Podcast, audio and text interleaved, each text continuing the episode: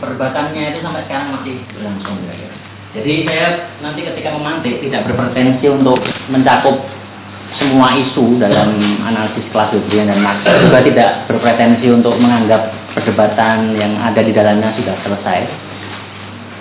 Termasuk nanti kalau kawan-kawan ada yang punya perspektif lain soal ini silahkan bisa ikut e, memberikan pandangannya. E, diskusi malam ini saya pengen meng menghalet dua poin. Yang pertama saya ingin membahas soal perbedaan yang menurut saya fundamental antara analisis kelas Weberian dan Marxis, termasuk implikasi politiknya. Dan di bagian kedua saya ingin mendiskusikan juga bagaimana analisis kelas dalam Marxis sendiri itu ada beberapa perbedaan. Ada paling tidak dua kubu yang berbeda, termasuk implikasi politiknya juga. Ini tentu saja dua tugas yang sangat berat Mas Eko, sangat ambisius. Tapi kita coba lah, karena kata waktu tadi waktunya tidak terbatas, jadi kita sebisa mungkin mengcover dua tema itu. Oke, okay. paling mudah untuk membedakan antara apa, apa, apa analisis kelas Weberian dan Marxis, kita tentu saja bisa membuat bagan pembeda gitu ya.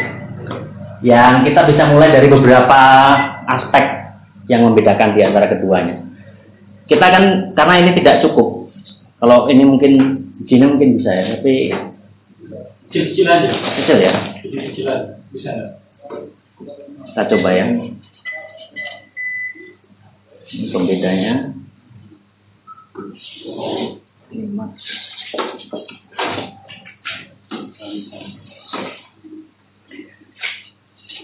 Oke, kita mulai dari yang paling dasar. Yang pertama adalah soal agenda dari analisis kelas dari masing-masing perspektif ini. Tentu saja kawan-kawan sudah sangat familiar bagaimana filsafat Weber dan Marx sangat berbeda dan itu akan menghantarkan mereka pada dua analisis kelas yang tujuannya sama sekali berbeda kira-kira.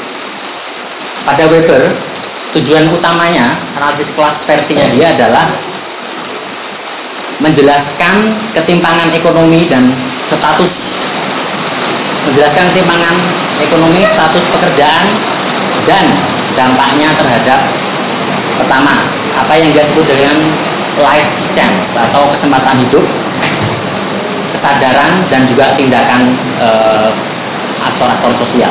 Jadi menjelaskan ketimpangan ekonomi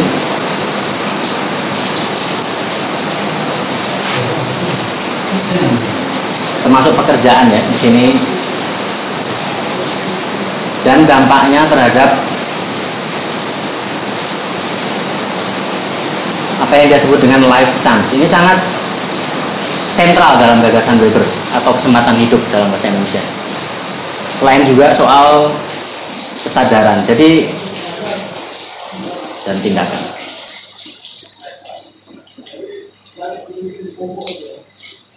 Nah, kalau kita ikuti beberapa pengikut Weber seperti Erikson atau Goldrup, penelitian-penelitian empiris yang mereka lakukan, mereka selalu akan melihat pertama, mereka akan membuat tipologi kelas-kelas sosial, misalnya yang menyebutnya mungkin ada higher professional worker atau pekerja profesional yang tinggi, nanti ada lower professional workers atau pekerja profesional yang levelnya lebih rendah, dan seterusnya. Jadi kelasnya itu bisa sampai 7 bisa 8, bisa 10, bisa 12 misalnya. Yang itu kemudian mereka akan lihat bagaimana posisi kelas yang berbeda-beda ini itu menentukan, nah ini kata kuncinya, kesempatan hidup yang berbeda. Artinya kesempatan hidup di sini adalah peluang untuk mendapatkan sumber-sumber daya ekonomi yang penting dalam rangka bertahan hidup atau untuk mereproduksi. Artinya kalau kita bisa, misalnya kalau kita punya pekerjaan yang lebih baik, kita dapat upah yang lebih banyak, kita bisa punya kesempatan hidup yang lebih tinggi karena kita bisa berobat sesuai keinginan ke mana kita pengen pengen berobat karena kita punya uang banyak. Kita bisa berlibur ke tempat yang kita inginkan karena kita uang lebih banyak. Kita bisa makan sesuai dengan keinginan kita karena kita punya uang lebih banyak dan seterusnya. Artinya kesempatan hidup semakin tinggi ketika anda berada dalam posisi kelas yang lebih tinggi. Dan sebaliknya kalau posisi kelas anda rendah maka kesempatan anda untuk hidup juga akan lebih rendah. Nah, tentu saja ada asumsi yang mendasari mengapa Weber uh, mengkonsepsikan kelas sebagai uh, jadi ini konsepsi kelas dia ya sebagai last chance tadi. Tapi ada metodologi yang nanti membedakan antara pendekatan Weberian dan Marxis ini. Weber ini sebenarnya tidak terlalu berbeda dengan pendekatan kaum ekonomi liberal dan ekonomi neoklasik. Artinya metodologinya adalah individualism.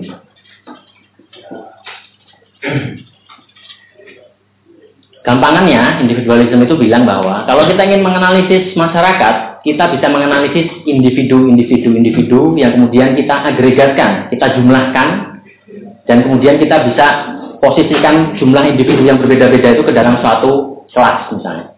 Jadi individu-individu manajer, profesional dan seterusnya itu yang berbeda-beda itu bisa kita agregatkan menjadi sebuah kelas. Jadi kelasnya Weber itu adalah kelas yang terdiri dari berbagai individu-individu yang memiliki uh, status ekonomi yang sama. Nanti ini berbeda dengan konsepsinya Marx soal kelas.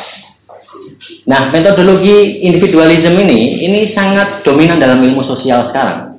Karena memahami karena tesis utamanya itu kalau kita ingin memahami masyarakat, kita harus pahami individu-individunya, perilaku individu-individunya. Sementara nanti kita bahas sedikit ya, sebaliknya dalam Marx dan juga dalam ilmu sosial yang punya tradisi struktural yang kuat, metodologinya bukan individualisme, tapi holism. Unit analisisnya bukan individu. Kalau kita ingin memahami masyarakat dengan baik, kita harus memahami relasi sosialnya. Jadi unit analisisnya berbeda. Kalau di sini individu, nanti di sini relasi sosial. Relasi sosial itu bisa saja misalnya paling tidak ada empat relasi sosial yang paling penting dalam gagasan Marxis ya. Yang pertama adalah relasi sosial tentang hak milik atau hak milik atau property relation. Kemudian Anda dalam kapitalisme bisa temui hak milik pribadi, kalau dalam sosialisme bisa hak milik kolektif.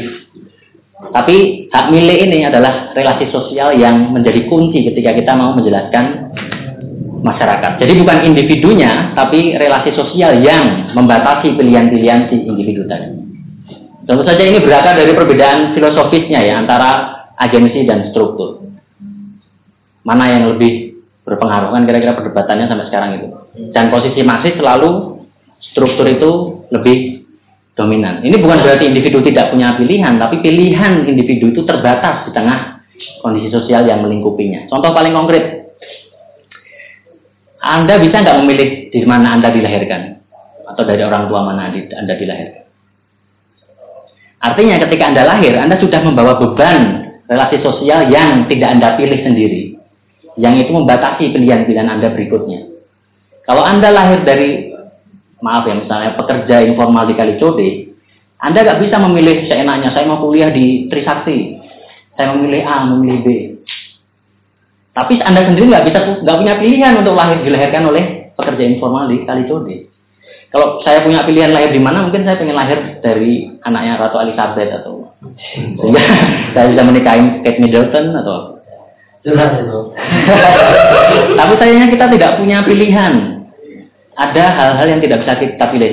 Dan itu yang membuat saya pribadi ya paling tidak lebih yakin gagasan soal bahwa kita harus memahami masyarakat itu secara holisme tadi, melihat relasi sosial. Karena individu itu pilihan-pilihannya selalu ditentukan oleh relasi sosial yang melingkupinya itu. Contoh paling konkret ya tadi soal kelahiran Anda itu. Anda begitu lahir langsung cenger berada dalam relasi sosial tertentu yang membatasi pilihan-pilihan Anda. Anda tidak bisa memilih di mana Anda dilahirkan. Nah, inilah yang menjadi fondasi gagasan kelasnya Weberian tadi bahwa masyarakat itu bisa dianalisis dulu per individu-individunya berdasarkan tadi entah itu pendapatannya, pekerjaannya yang kemudian di regrouping, diagregatkan menjadi oh karena kamu punya penghasilan yang kira-kira sama, kamu masuk upper class kamu masuk kelas menengah, kamu masuk kelas menengah bawah dan seterusnya. Tapi nanti dalam konsesi marxisme beda, kelasnya bukan berdasarkan agregat individu yang punya penghasilan yang sama, pekerjaan yang sama, tapi nanti berdasarkan posisi di mana relasi produksi, relasi properti dan seterusnya. Nanti akan kita bahas. Kita selesaikan dulu yang Weber ini. Nah, yang ketiga, ini soal konsep konsepsi kelasnya ya. Konsepsi kelasnya Weberian itu adalah ya ini kelas sebagai life science tadi.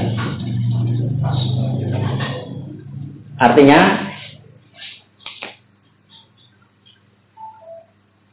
posisi kelas Anda itu menentukan kesempatan hidup Anda.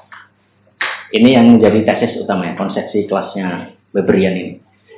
Sehingga kalau bicara soal kelas, Weber selalu akan mengaitkannya dengan implikasi posisi status Anda dalam ekonomi itu terhadap kesempatan Anda untuk mereproduksi uh, kehidupan Anda. Yang keempat soal aktornya.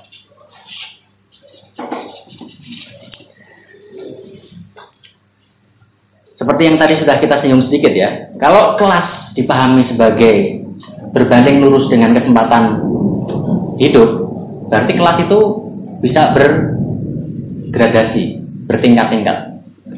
Ada yang kelas tadi disebut contoh profesional higher, professional workers, lower, nanti ada lagi uh, manual higher workers. Eh cuma permainan lower, higher, upper dan seterusnya itu.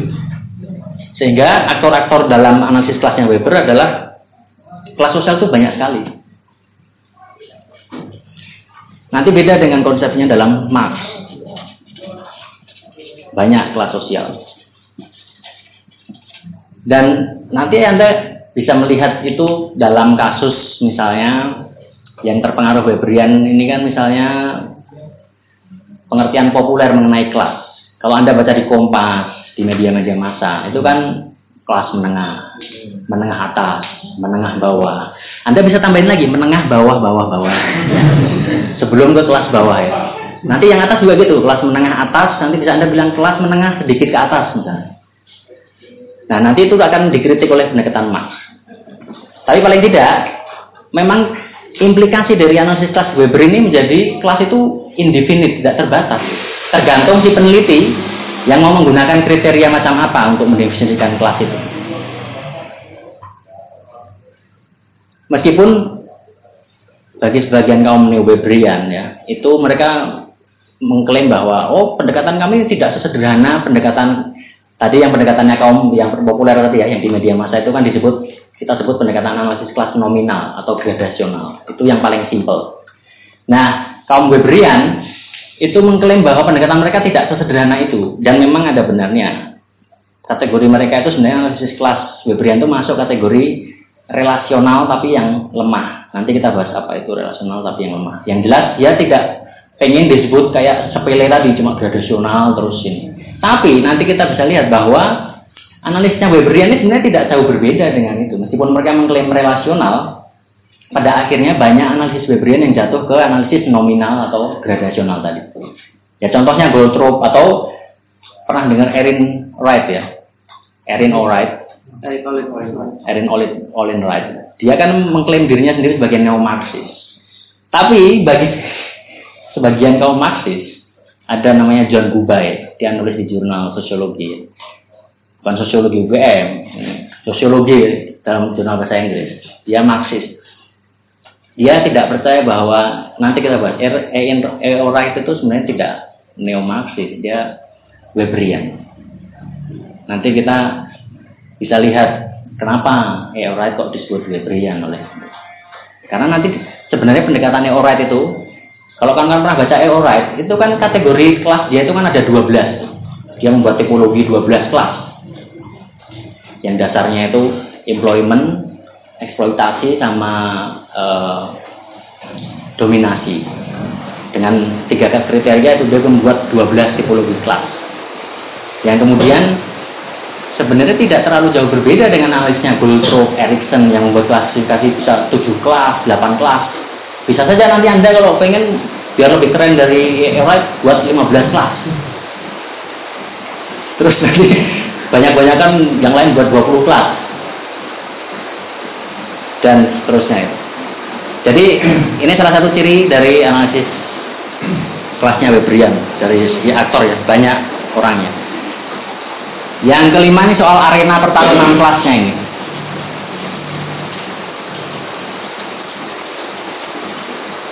Arena pertarungan.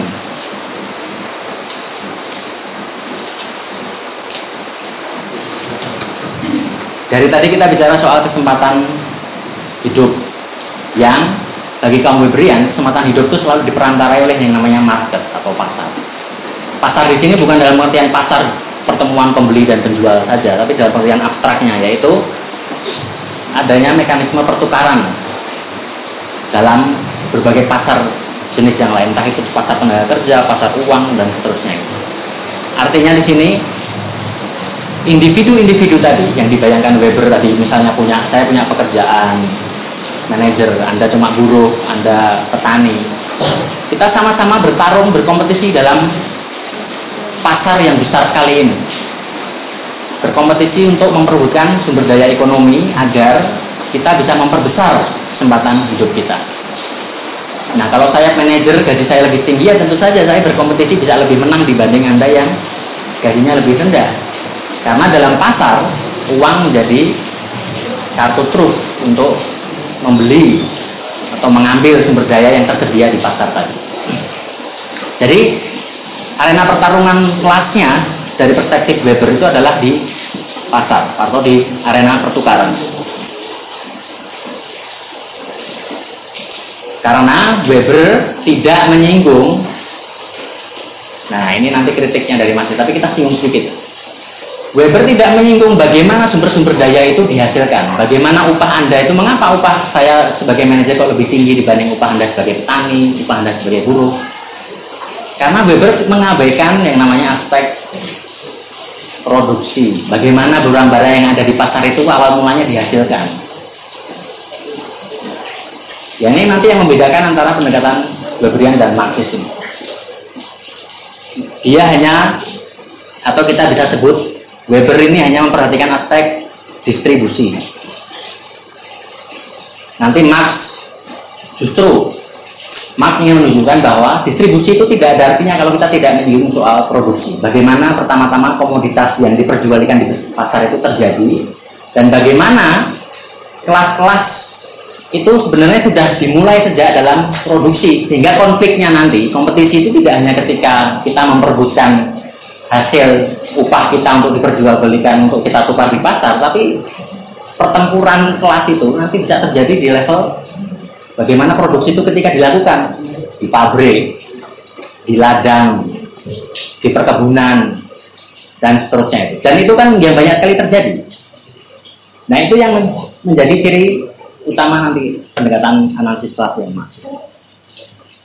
Nah, ini adalah logika kaum Weberian untuk melihat bahwa arena pertarungan itu adanya di level distribusi atau level uh, pasar ya. Nah, setelah kita tahu aktornya banyak kelas sosial, arena pertarungan yang di pasar untuk memperebutkan kesempatan hidup. Terus kira-kira watak dari pertarungan kelasnya ini apa?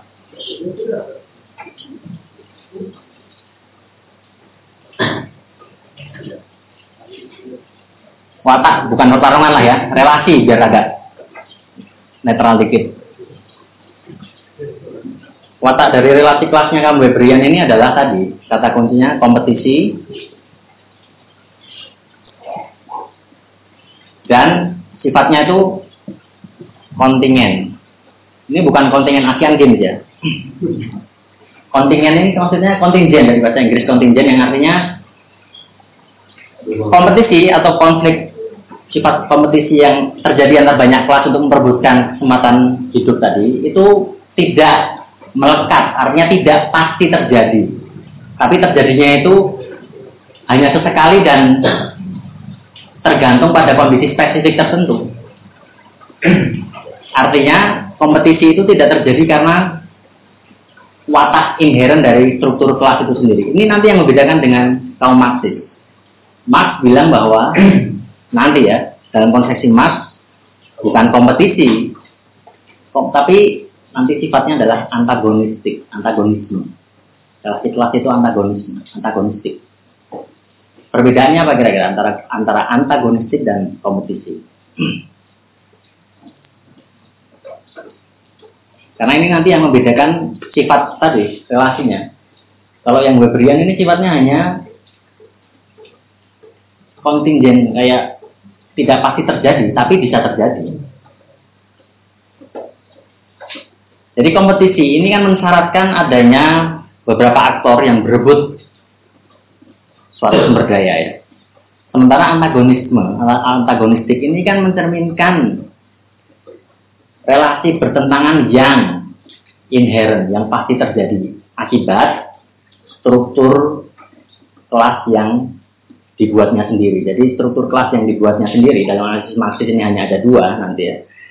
Itu yang membuat relasi kelas itu tidak hanya kompetisi antar berbagai aktor berebut kayak semut gitu. Karena hanya ada dua dan kepentingannya ini antagonistik berbeda itu yang membuat mereka punya kecenderungan inherent, kecenderungan yang melekat, yang alamiah, yang pasti akan membuat mereka ini bersifat antagonistik, berlawanan terus menerus. Jadi sifatnya bukan lagi kontingen tapi inherent konfliknya itu. Ini yang membedakan analisis kelas Weberian dan uh, Marxis. Dan ini nanti punya implikasi ya. Nanti sebelum ke Marx saya akan mengkritik dulu pendekatannya Weberian ini dari perspektif Marxis. Sebelum nanti kita ke analisis kelasnya Marx.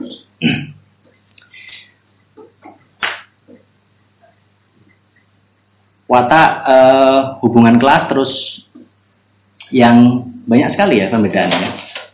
Yang ketujuh ini agak lebih ke dunia akademik soal bagaimana analisis kelas ini dilakukan dalam dunia penelitian atau dalam analisis konkret.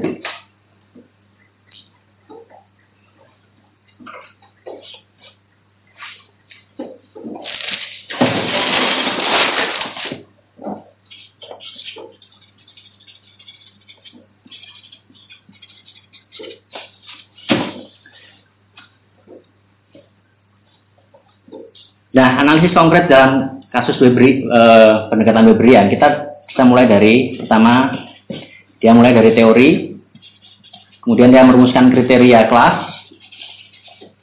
bisa pekerjaan, bisa upah, bisa sistem dominasi dan seterusnya kalau dari perspektif Weberian ya. Yang ini kemudian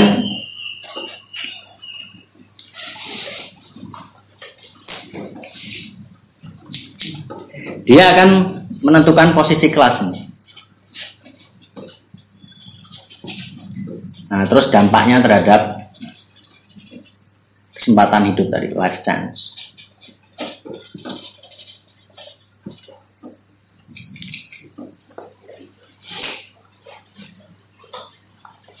Jadi kalau Anda ingin menjadi Weberian, gampang sekali ikuti langkah-langkahnya. Pertama Anda harus percaya dulu bahwa hakikat, nah ini pertama dari metodologi tadi ya. Kalau Anda percaya bahwa masyarakat itu bisa dianalisis dari unit analisisnya adalah individu-individu yang diagregatkan, dijumlahkan, kemudian dianalisis sebagai kelas karena kesamaan pekerjaan, kesamaan upah, level upah dan seterusnya. Nah, Anda bisa kemudian berbicara soal kriteria kelas menurut kaum Bebrian. Pekerjaan, upah, dominasi dan dari situ Anda bisa menentukan posisi kelas mereka. Dan ini ini yang nanti dikritik oleh pendekatan Marxis kriteria kelasnya kaum Weberian ini sangat arbitrary, sangat semenang-wenang. Artinya seorang peneliti bisa saja menggunakan hanya dua kategori pekerjaan dan upah. Peneliti yang lain nambah pendekatan pakai kriteria dominasi. Peneliti yang lain bisa saja nambah apalagi terus sehingga tidak heran kalau jumlah kelasnya dalam tiap analisisnya Weberian itu berbeda-beda. Goldrup punya tujuh kategori, nanti Eorai punya 12 nanti mungkin misalnya Dika punya 15 siapa lagi punya 8 dan seterusnya. Dan posisi kelas ini kemudian dilihat dampaknya terhadap kesempatan hidup mereka akses mereka terhadap pendidikan, kesehatan, termasuk waktu luang, leisure time. Bahkan ada nanti Jobrian sangat menggunakan pendekatan ekonomi itu yang murni, menggunakan korelasi untuk melihat bagaimana hubungan antara makin tingginya upah dengan leisure time mereka, dengan waktu luang yang mereka punya. Dan itu dibuktikan dengan grafik gitu. Dan memang terbukti bahwa makin tinggi posisi kelas seseorang, makin banyak waktu luang yang mereka punya. Nah, tapi Begitulah cara Weberian membuktikannya dengan analisis ekonomi, dengan grafik, dengan data-data empiris yang melimpah. Karena memang dengan cara seperti ini, dengan mendefinisikan kelas sebagai kesempatan hidup, mereka benar-benar harus punya data empiris yang kuat untuk membuktikan klaim itu. Dengan data-data empiris, entah itu sifatnya merentang historis ataupun memotret dalam satu waktu tertentu saja. Misalnya, struktur kelas di Amerika tahun 2010. Anda cukup cari itu banyak sekali jurnal empiris yang membahas soal itu. Di American Sociology Journal Review Journal itu kan pendekatannya banyak yang kuantitatif. Jadi analisis kelasnya kebanyakan Weberian ini sangat populer di kalangan mereka. Jadi kalau anda baca itu anda jangan langsung bayangkan wah ini Marxis ini belum tentu anda lihat dulu bagaimana cara mereka mengoperasionalkan kelas tadi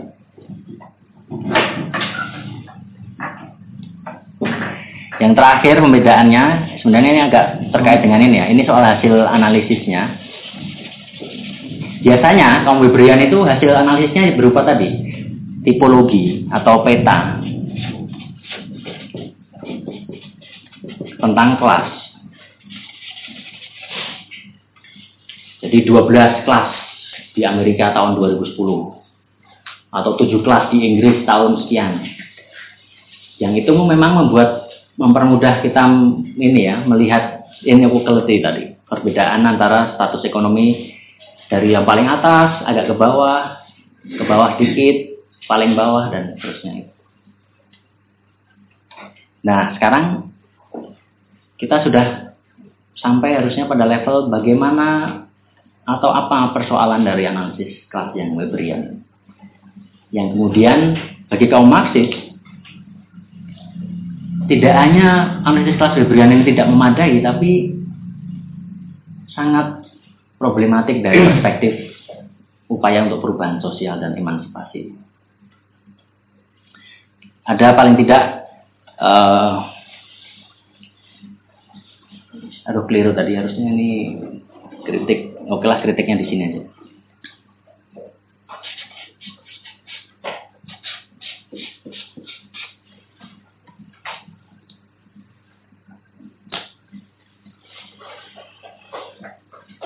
Oke, kritik yang pertama.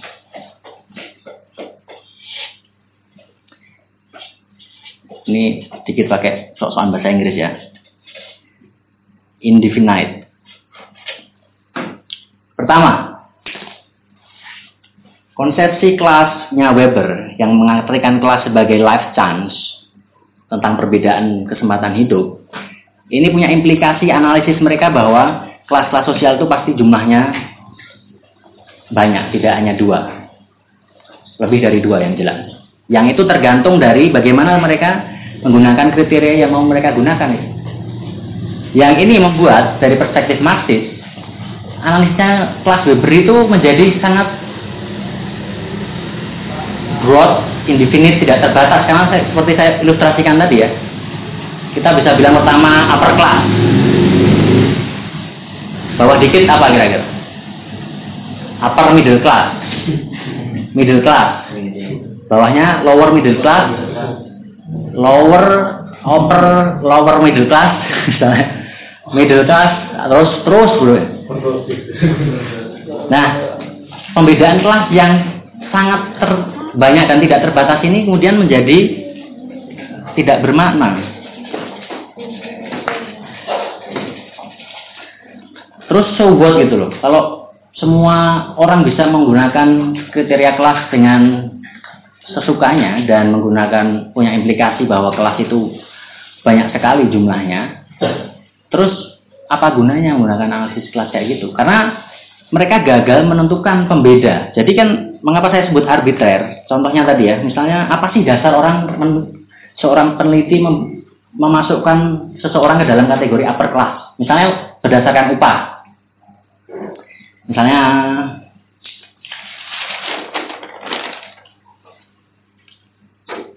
Misalnya berapa biasanya yang upper class itu ya? Katakanlah di atas 10 juta ya, 10 juta sampai 20 juta. Atau di atas 20 juta disebut upper class. Terus 20 sampai 15 disebut upper middle class. Terus 10 sampai 15 disebut middle class. Pertanyaan kita, mengapa angka 20 juta yang dipakai? Mengapa angka 15 juta yang dipakai sebagai batasnya? Mengapa 10 juta yang dipakai batasnya? Ini yang disebut pembatasan yang arbitrary, yang sewenang-wenang. Cara untuk memisahkan kelas satu dengan kelas yang lain itu. Makanya jangan heran kalau Bank Dunia suka sekali dengan pendekatan yang kayak gini. Ya, ya. Karena itu bisa dimainkan dalam level statistik. Termasuk misalnya merumuskan kemiskinan kan. Masa kemiskinan? Ada yang tahu berapa sekarang batas kemiskinan di Indonesia? Pendapatan berapa? Nah, itu ya itu standarnya Bank Dunia terlalu tinggi. Kalau tidak salah itu 300 ribu sekian. Ya, ya Mas Riza kalau nggak salah. Ya. Per bulan. 10 ribu per 300 ribu sekian lah. Ya. Sekarang atas dasar apa BPS berani-beraninya? Emangnya keluarga dia mau hidup cuma 300 ribu sebulan? Itu buat parkir aja udah habis. nah, ini yang menjadi problem dari pendekatan kelas yang sifatnya gradasional tadi menjadi indefinite, tidak terbatas dan tidak bermakna. Karena cara menentukan kriterianya itu tadi arbitrary, sewenang-wenang. Anda kalau nggak puas dengan kategori perbedaan 5 juta, 10 juta, 15 juta, ya pakai aja pendekatan yang lain. Ah, aku nggak setuju dengan ini. Aku ganti 12 juta, 17, 21, dan seterusnya. Nanti hasilnya kan langsung berbeda ya wah tadinya yang aku aku ini sialan. Dalam analisis kelas dia aku masuk upper class kok analisis dia aku cuma masuk middle class. Jadi enak sekali ya. Nah mengapa tidak bermakna? Karena kemudian apa?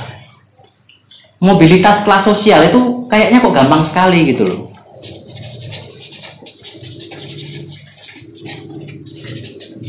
Mobilitas sosial gampang sekali. Saya pakai kata gampang sekali nggak apa-apa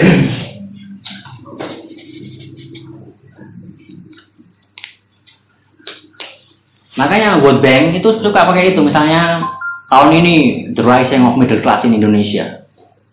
Bisa jadi tahun depan udah the decline of middle class in Indonesia. Gampang sekali naik turunnya kelas ini. Nah terus apa maknanya kelas itu? Kelas ini punya basis struktur yang jelas nggak sih?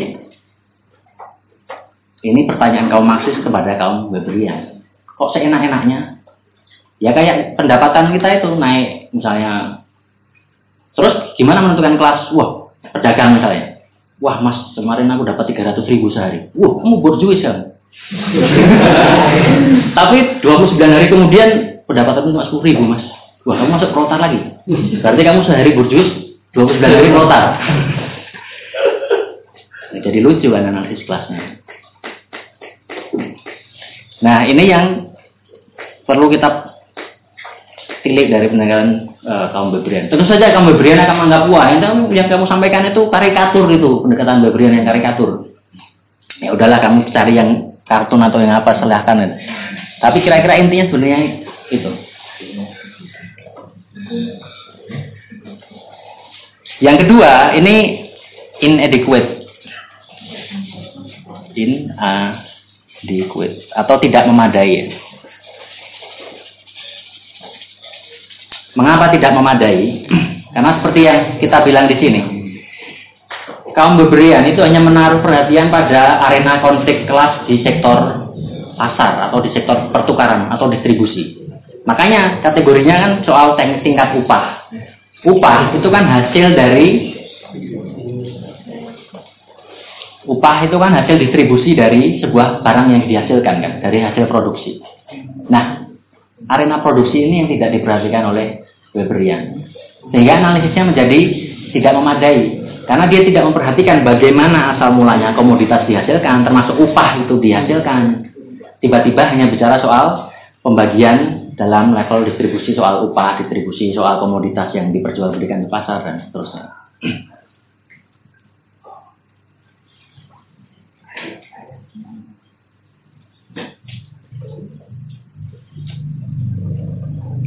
Yang ketiga, ini yang paling penting menurut saya.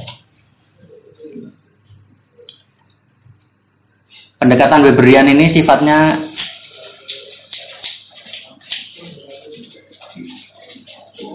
inconsequential atau tidak punya dampak yang berarti. Kenapa?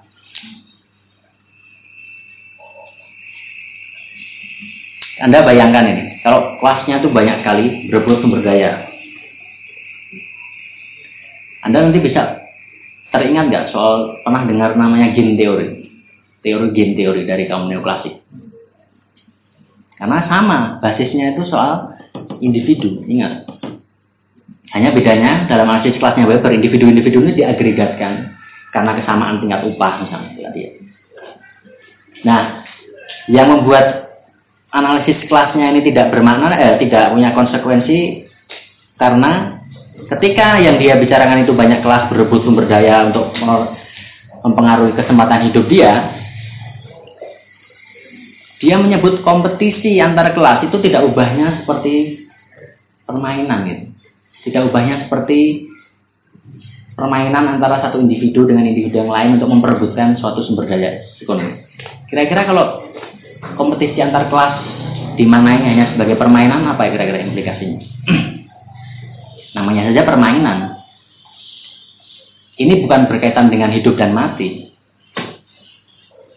Ini hanya soal kamu lebih banyak dapat sumber daya atau kamu lebih sedikit. Jadi tidak sifatnya zero sum game, tidak sifatnya itu kalau aku dapat banyak pasti kamu akan jatahmu akan berkurang. Tapi kalau aku dapat lebih banyak, kamu tetap bisa dapat kok meskipun lebih sedikit dari aku. Sehingga analisis kelasnya Weberian ini punya kecenderungan implikasi jauhnya adalah dia ini kayak menganggap kompetisi kelas. Istilah dia kompetisi loh ya, bukan konflik, bukan antagonistik kayak emas. Kompetisi kelas itu sebagai sesuatu yang inherent, yang natural, yang wajar terjadi.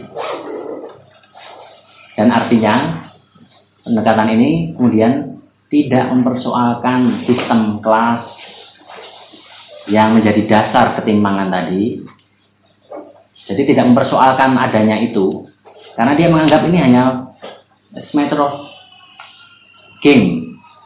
Yang sebagian kelas dapat lebih banyak, sebagian kelas dapat lebih sedikit. Jadi ini tidak terlalu serius lah kira-kira. Ini hanya soal memperbutkan siapa yang dapat kue lebih banyak. Yang kemudian dia tidak mempersoalkan mengapa kelas sistem kelas kayak gini harus misalnya kalau dalam Marx sistem kelas yang kayak gini harus dihancurkan karena dia menindas. Karena kaum Webrian menganggapnya ini ya semacam game aja, bukan kalau maksa nanti kata kuncinya nanti oh, ini eksploitasi, bukan hanya soal kompetisi, bukan hanya soal perebutan. Ini matter of dead or alive. Karena yang satu merenggut banyak itu pasti. Yang dia renggut itu berarti dia merenggut jatahnya kelas yang lain. Nah, ini uh, tidak mempersoalkan tadi ya. Atau cenderung taken for granted soal sistem kelas.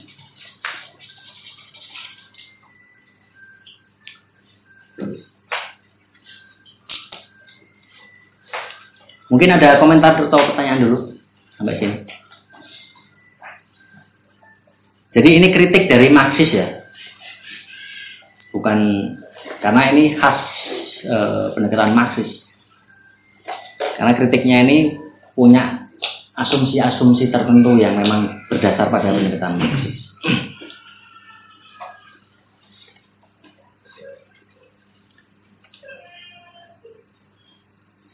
Oke, kalau tidak ada kita lanjutkan ke Marx. Karena kita sudah tahu yang sebelah ini mestinya lebih mudah lagi. Jadi kalau dari Marx, agenda utamanya bukan hanya untuk menjelaskan ketimpangan status ekonomi dan dampaknya terhadap kesempatan hidup, bagi Marx persoalannya jauh lebih fundamental dari itu. Ini bukan hanya soal kompetisi untuk memperebutkan sumber-sumber daya yang ada di pasar, tapi menjelaskan Nah, ini pasti kawan-kawan langsung pada tahu kata kuncinya. Bagaimana nilai lebih diciptakan dan didistribusikan.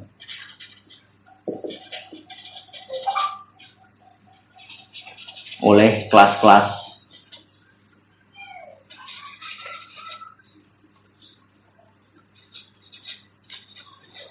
yang berbeda. Dan dampaknya terhadap kata kunci berikutnya adalah konflik.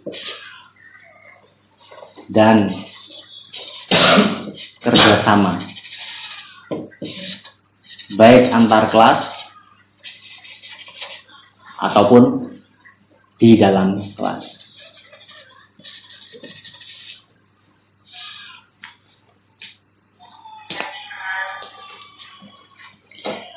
Nah, kira-kira mengapa Mas proyek analisis kelasnya kayak gini? Ya tentu saja, kamu bisa melacaknya dari filsafat kerjanya Marx. Bahwa manusia itu esensinya adalah dilihat dari produksinya. Nah, kalau itu menjadi fondasinya, maka tidak heran kalau kita melihat analisis kelasnya Marx itu bersumber dari bagaimana produksi itu yang diwarnai oleh penciptaan nilai lebih dan pengambil alihannya yang itu dimediasi oleh relasi kelas dalam produksi tadi, yang kemudian punya dampak terhadap entah itu konflik antar kelas yang diambil alih, yang diambil surplus value-nya itu, atau bahkan justru kerjasama di antara kelas-kelas itu, atau bahkan di dalam kelas itu sendiri. Nah nanti kita akan makin lama mungkin akan kita perjelas. Nah metodologinya sudah kita singgung tadi, holisme berbeda dengan jadi yang dianalisis adalah relasi sosial. Unit analisnya itu relasi sosial. Paling tidak ada empat ya relasi sosial yang menjadi kunci dari analisis Marx itu. Relasi properti atau kepemilikan atau hak milik lah, relasi hak milik. Yang kedua relasi pembagian kerja.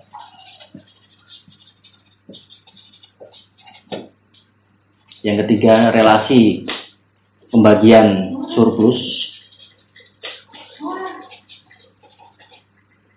Yang keempat, relasi reproduksi. Kita bahas satu-satu. Kawan-kawan yang pernah familiar dengan pendekatan ekonomi politik mungkin tidak asing lagi dengan ini. Ini kan sebenarnya pertanyaan yang pertama ini kan soal who owns what ini. Siapa punya apa?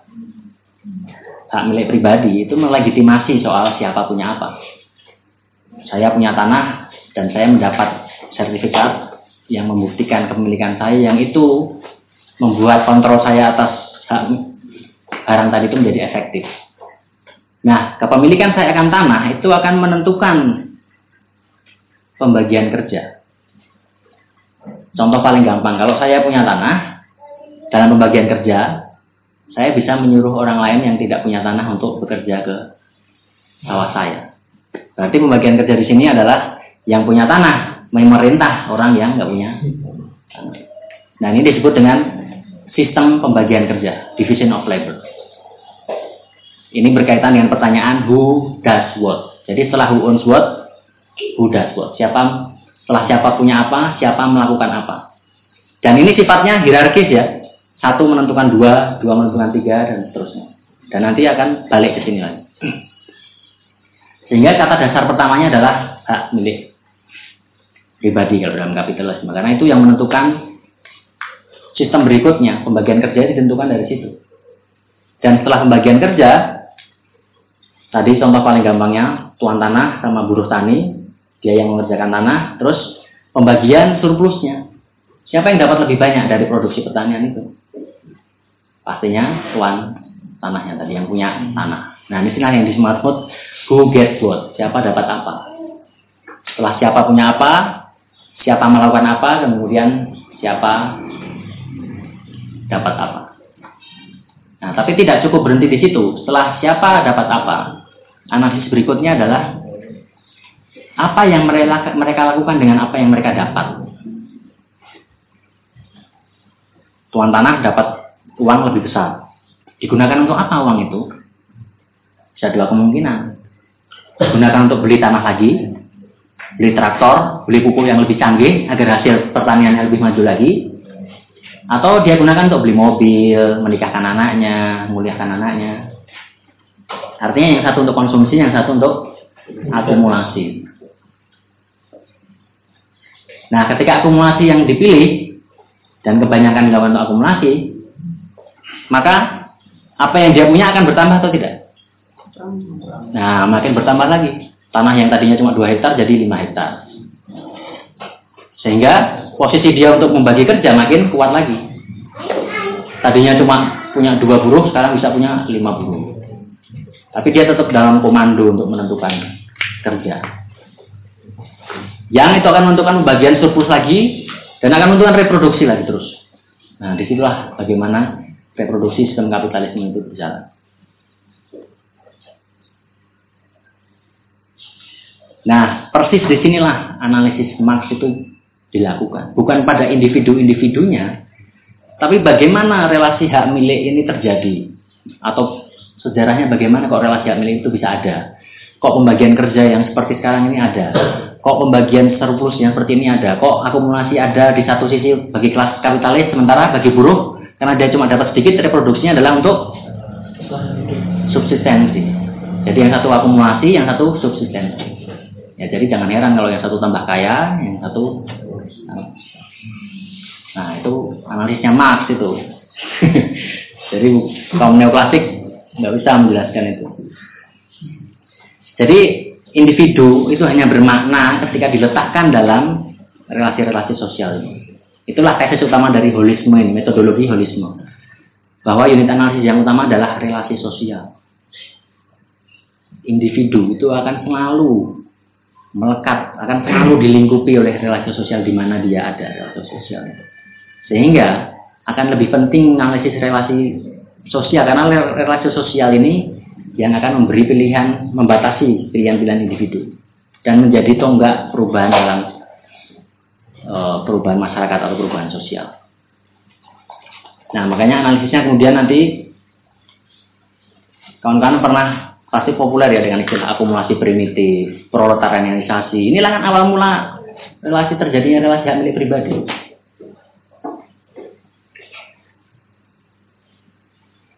Dan kemudian diikuti dengan pembagian kerja antara yang punya sarana produksi yang dan yang tidak punya. Nah, dengan pengertian yang semacam ini, kira-kira konsepsi kelasnya menurut kaum Marxis adalah konsepsi kelas ya, konsepsi kelas. Ya jelas. Ini kataku X eksploitasi. Jadi posisi kelas itu menentukan bukan kesempatan hidup kalau bagi Marxis. Posisi kelas menentukan apakah Anda mengeksploitasi atau deeksploitasi. Pengertian konkretnya adalah mereka yang mengeksploitasi, mengeksploitasi adalah mereka yang mengambil nilai lebih yang diciptakan oleh mereka yang dieksploitasi. Tentu saja bagi orang yang percaya dengan teori nilai lebih, mungkin teori kelasnya Marx dianggap mengada-ngada. Mana ada mana nilai lebih itu. Tapi kalau Anda cukup mau rajin membaca jurnal-jurnal salah satunya Cambridge Journal of Economics Jurnal-jurnal American Sosiologi juga ada yang membahas soal secara empiris bagaimana menghitung nilai lebih di advanced capitalist countries, jadi di negara-negara kapitalis maju. Jadi perdebatan soal itu itu ada, artinya tidak bisa disepelekan itu loh, seolah-olah wah ini teorinya lebih ini udah kuno nggak berlaku dan seterusnya. Karena itu masih banyak yang ilmuwan yang mencoba menghitungnya secara empiris. Dan itu saya kebetulan pernah mengikuti seminar waktu di soal, soal ini ya, soal judulnya itu soal the problem of transformation problem. Jadi kawan-kawan ingat salah satu kritik terhadap teori nilai lebihnya Marx itu karena Marx dianggap gagal menjelaskan transformasi dari value to price dari nilai ke harga. Dan, dan seminar itu berusaha menjelaskan perdebatan di antara kaum Marxis terutama untuk menjelaskan bagaimana solusi untuk menjelaskan itu. Dan salah satu mazhab eh, yang dianggap memuaskan dalam menyelesaikan problemnya Marx ini namanya mazhab apa ya? Regulation School atau apa? Saya lupa. Yang kemudian dia mencoba membuat data empiris soal misalnya di Prancis, di Amerika, berapa sih nilai lebih yang diambil dari kapitalis, eh dari buruh yang diambil oleh kapitalis dari periode sekian sampai sekian. Karena dia cuma butuh data soal upah nominal, upah real, kemudian profit, dan seterusnya itu. Dia bisa menggunakan hitung-hitungan itu. Yang itu kemudian membuat mengapa banyak uh, ilmuwan Marxis masih percaya bahwa memang ada eksploitasi itu dan pengambilan nilai lebih. Nilai lebih ini kan gampangannya kan nilai dari sebuah tenaga kerja yang kita curahkan sebuah produk tertentu, misalnya saya bekerja membuat jam atau membuat sepatu, di mana nilai yang saya curahkan untuk membuat produk ini tidak saya nikmati sepenuhnya, karena kemudian yang menikmati diambil oleh pemilik modal yang mempekerjakan saya. Dan itu yang menjelaskan mengapa kapitalisme itu berbeda dengan sistem-sistem sebelum kapitalisme. Kalau Anda lihat chart atau diagram ya, pertumbuhan ekonomi sebelum kapitalisme dengan pasca kapitalisme gini. Terus tiba-tiba gini. Bagaimana menjelaskan pelonjakan yang begitu dahsyat ketika kita tidak membicarakan soal ada sebuah ekstraksi yang luar biasa terjadi antara pihak yang uh, lebih lemah dari pihak yang lebih kuat dalam ini mereka yang memiliki sarana produksi tadi yang itu menjelaskan kekayaan berkumpul hanya pada segelintir orang, ya kita hitung satu persen lah. Makanya ada gerakan Occupy One Percent di Amerika. Nggak, di Indonesia nggak ada. Gerakannya adalah selamatkan Islam atau selamatkan apa. Jadi bukan Occupy One Percent ya. Jadi konsepsi eksploitasi ini tadi kata kuncinya bagaimana posisi kelas itu kan menentukan anda itu dieksploitasi atau mengeksploitasi sehingga pilihannya hanya ada dua dan karena hanya ada dua maka aktor-aktornya kemudian ya hanya ada dua. Pengeksploitasi kelas pengeksploitasi. Dan yang dieksploitasi.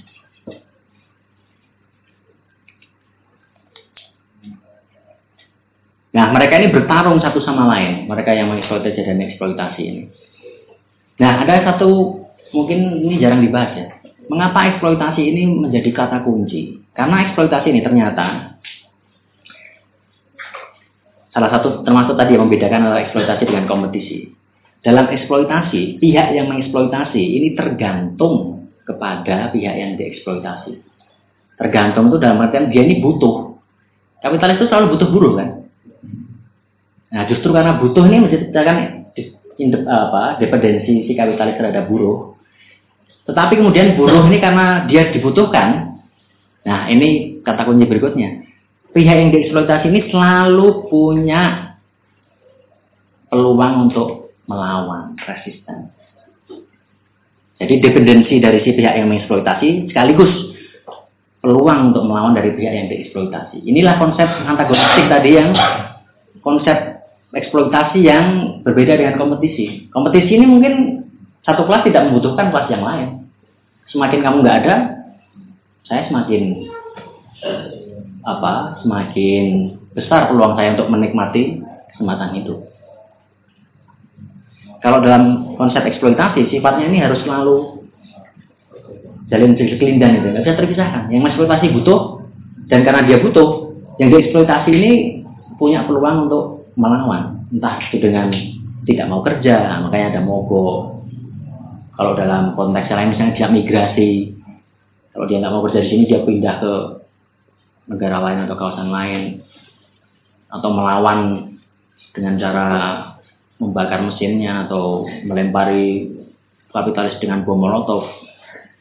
Kemarin ada loh itu. Di Jakarta aku juga kayak itu pengusaha dilempar bom molotov karena tidak membayar upah buruhnya. Wah, keren sekali nih. Setelah itu aku baca, wah ini ternyata yang melempar bom molotov ini udah masuk ke, polisi, udah ditangkap polisi ini. Pas sekali dia ditangkap ini orang kapitalis yang dilemparin. Kalau yang dilempar buruh, mungkin ya nggak akan pernah ketemu gitu yang. Buruh yang dibakar itu ya. Ya? Kebakaran buruh mati kebakarannya kan. Bukan, ya, bukan ini baru ini bung di Jakarta ya. Aku kok, kok kepikiran buruhnya itu melempar bom molotov gitu. Bukannya berserikat, bukannya organisasi apa malah melempar bom molotov. Ya, akhirnya dia masuk penjara sekarang ini. Nah, yang berikutnya ini soal arena tadi. Seperti tadi yang kita kritik ya.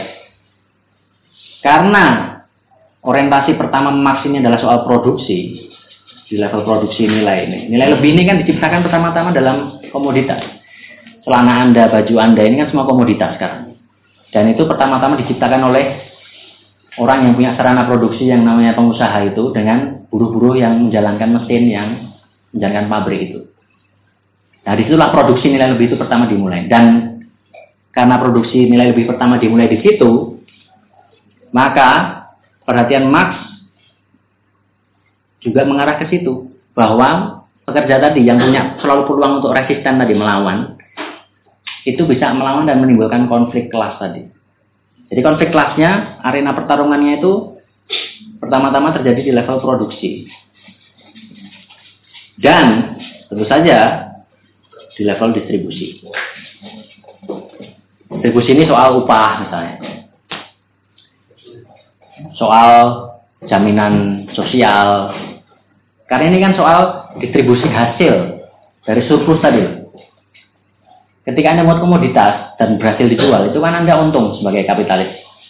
Dan keuntungan Anda tadi dalam sistem pembagian surplus ini kan harus dibagi ke sarana-sarana produksinya perawatan mesin, bayar upah buruh, bayar kredit, pinjaman, terus apa lagi? Empat sarana produksi itu. Buruh, tenaga kerja, eh, buruh, mesin, tanah, sewa tanah misalnya dari pabrik. Yang itu sarana produksi itu harus diberi semua. Nah, tapi kemudian selalu saja buruh adalah komponen yang paling besar yang harus dikasih. Sehingga pengusaha selalu berupaya memangkas ongkos buruh ini. Karena ongkos buruh yang dianggap paling besar.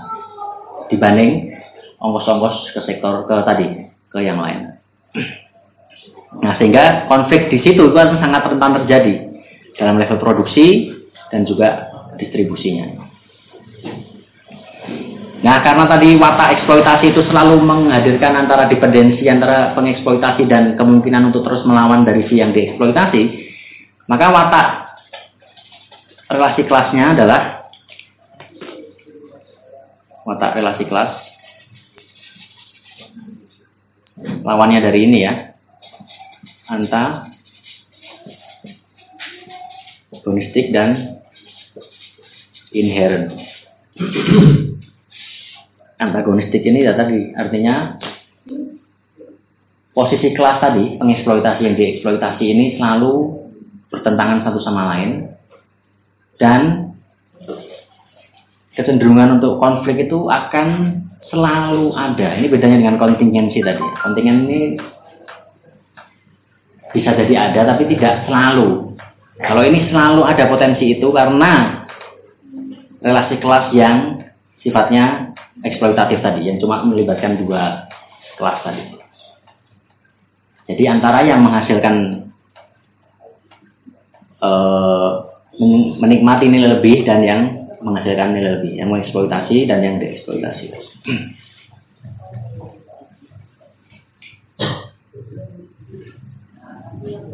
Ada komentar dulu sampai sini?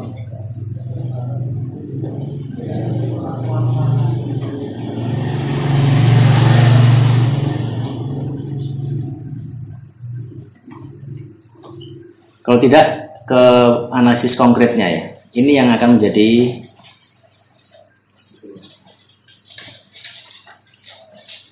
tantangan.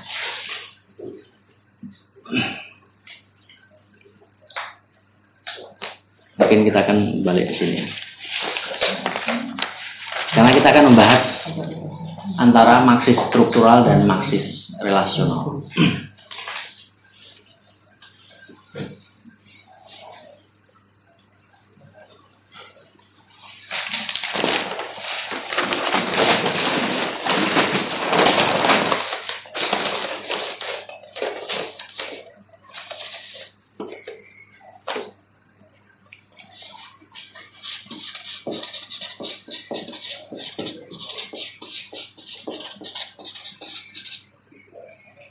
Approach akan bagi dua sih. Satu struktural, satu relasional.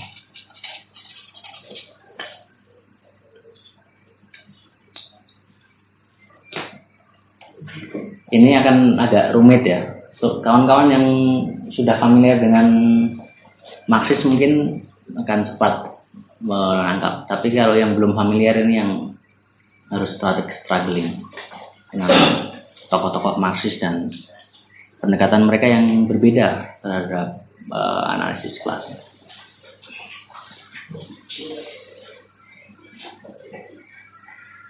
Siap?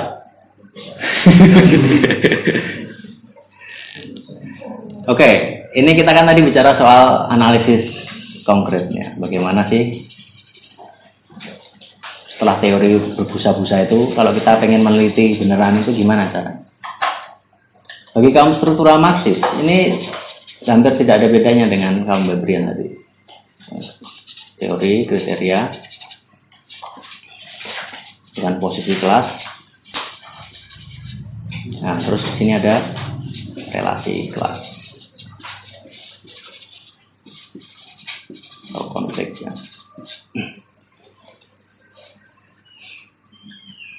Kriterianya Marx tapi tentu saja berbeda. Kriterianya Marx hanya satu. Sehingga bagi kaum Marxis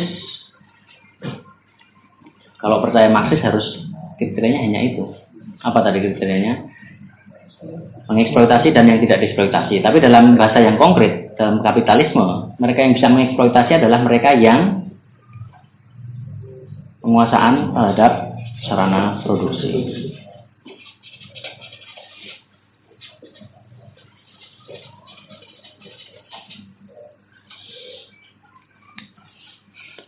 Nah, posisi kelasnya kan berarti hanya dua-dua toh.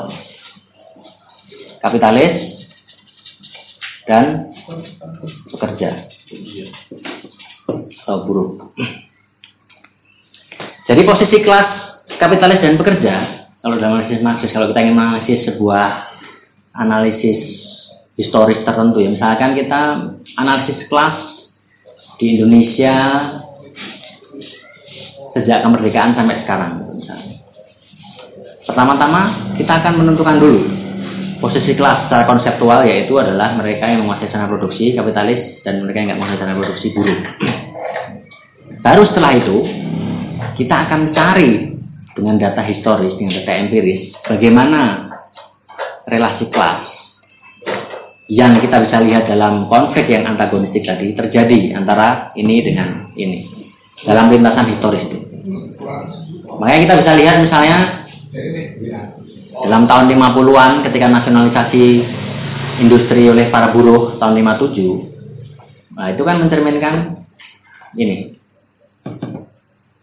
konflik kelas, perjuangan kelas. Termasuk misalnya bagaimana buruh-buruh tani, petani gurem yang berupaya melakukan uh, redistribusi tanah dalam agenda reforma agraria di tahun 60-an. Nah, itu kan yang sering dilihat sebagai bahwa kita pernah ada loh di Indonesia ini perjuangan kelas itu. Ya situ di zaman-zaman itu. Jadi analisisnya berangkat dari konseptual pembedaan tadi, yang kemudian dicari datanya itu di level historis, di level empiris. Jadi di sininya yang empiris. Bagaimana pertarungan ini terjadi antara ini dengan ini itu terjadi dalam level historis tadi.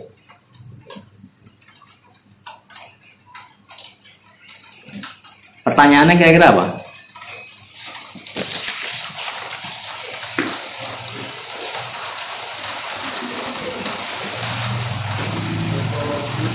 Kalau nggak ada konflik yang muncul gimana? Analisis kelas masih masih bisa dilakukan atau tidak?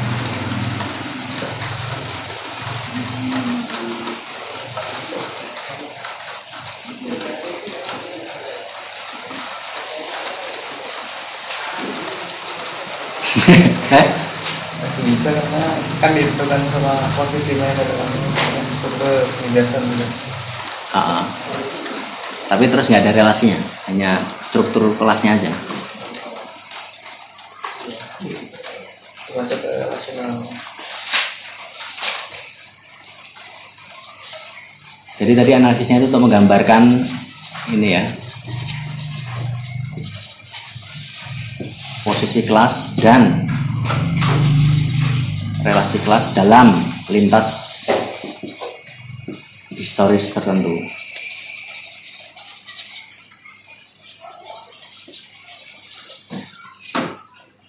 Pertanyaannya, bagaimana kalau tidak ada konflik yang terbuka?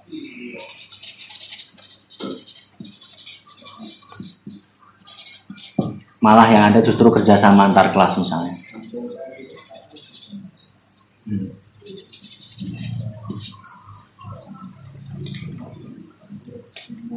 Kalau dalam zaman sekarang kira-kira ada nggak konflik kelas ini?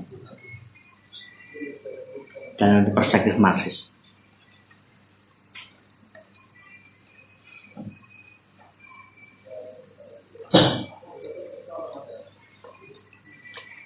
Kalau tidak ada konflik yang terbuka, terus gimana nanti kelas menjelaskan tadi?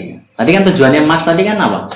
Menjelaskan bagaimana nilai lebih diciptakan dan didistribusikan, termasuk dampaknya terhadap konflik kelas dan kerjasama atau kerjasama kelas.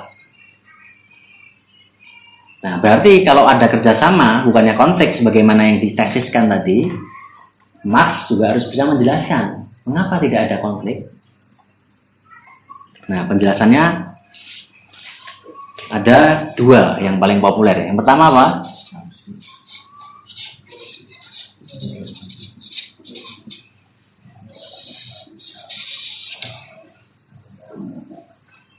Karena buruh-buruhnya dihegemoni dengan ideologi agar mereka sepakat dengan yang mengeksploitasi mereka. Tapi hegemoni ini nanti agak sedikit repot ya. Antara Gramsci dan Althusser itu perbedaannya cukup besar. Sehingga saya gunakan hegemoni di sini dalam anak Althusserian ya Althusser. Yaitu aparatus-aparatus negara yang mencoba menguasai berbagai lini entah itu sekolah, gereja, institusi agama dan seterusnya, institusi kebudayaan yang bekerja untuk membuat concern, konsen, membuat buruh-buruh ini setuju, bahkan aktif untuk mengikuti uh, kemauan si mengeksploitasi tadi. Jadi ini kan sudah populer dalam kalangan Marxis kan? Mengapa nggak ada konflik lah? Oh, dihegemoni, sudah selesai. Jawaban yang kedua adalah adanya aristokrasi buruh. Mungkin yang ini kan baru dengar. Althusserlian.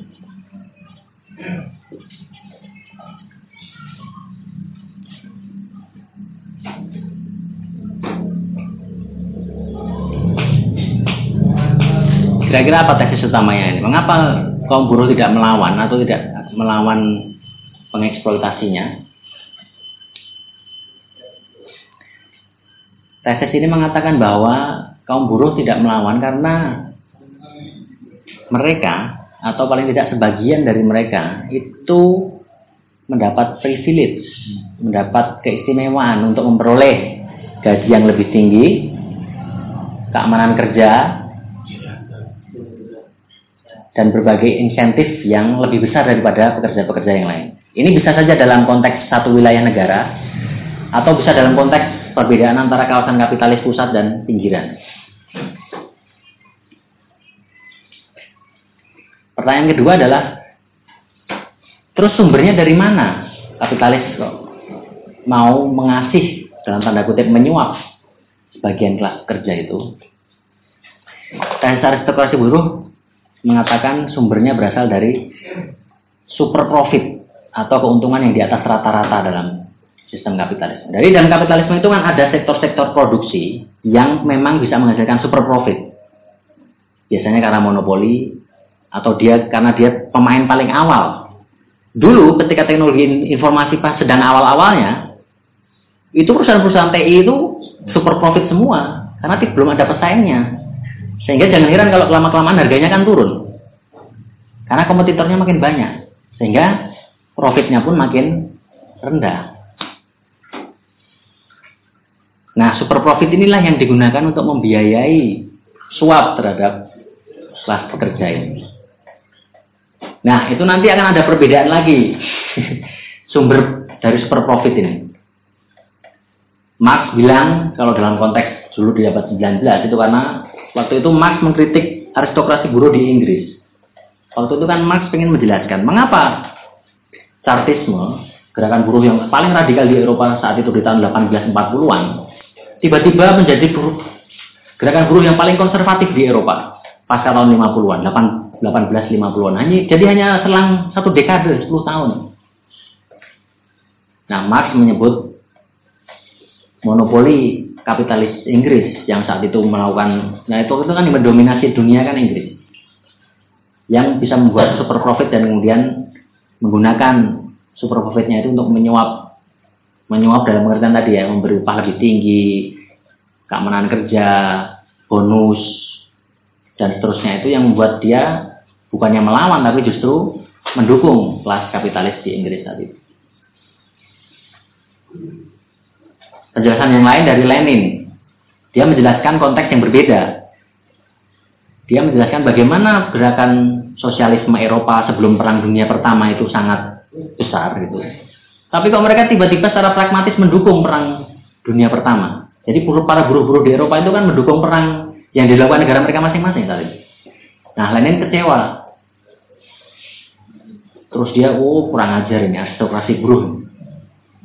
Penjelasannya Lenin bukan lagi monopoli Inggris karena monopoli Inggris sudah berakhir di sebelum perang dunia pertama. Tapi dari penjelasan dia adalah dari imperialisme, artinya saat itu negara-negara barat kan sudah istilahnya Lenin itu membagi-bagi ya wilayah kekuasaan kolonial itu di antara mereka. Yang itu kemudian juga menghasilkan keuntungan yang diambil dari sumbernya dari buruh-buruh di kolonial di area kolonial. Yang kemudian dia gunakan untuk membiayai menyuap kelas pekerja di Eropa.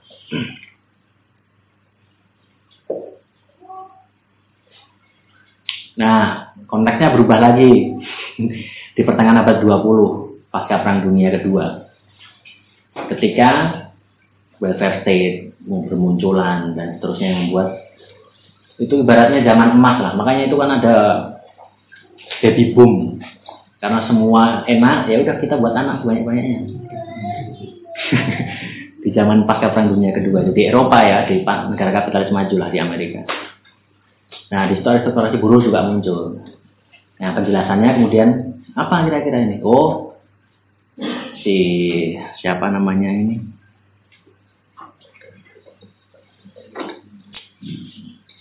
Elbaum dan siapa ya? Sel Shelter atau Shelter ini. Tapi dia juga Marxis. Dia merujuk pada adanya kapitalisme monopoli. Jadi kapitalisme sudah tahap sampai pada level monopoli di pertengahan abad 20 kemarin. Yang itu membuat mereka ini bisa mengakumulasi super profit lagi-lagi ya. Yang kemudian dia gunakan untuk membribe, me, menyuap sebagian buruh yang ada di Eropa itu. Dari sektor-sektor tertentu. Nah itu tesis dari eh, aristokrasi buruh. Semacam politik etis gitu ya? Ya. Tapi tidak seluruhnya ya, bisa sebagian ya di aristokrasi. Nah, ini menariknya ya. Jadi tesis aristokrasi buruh ini setelah tadi sebenarnya bilang itu hanya sebagian dari kelas-kelas pekerja di Eropa tadi yang memperoleh keuntungan lebih dibanding pekerja yang lain.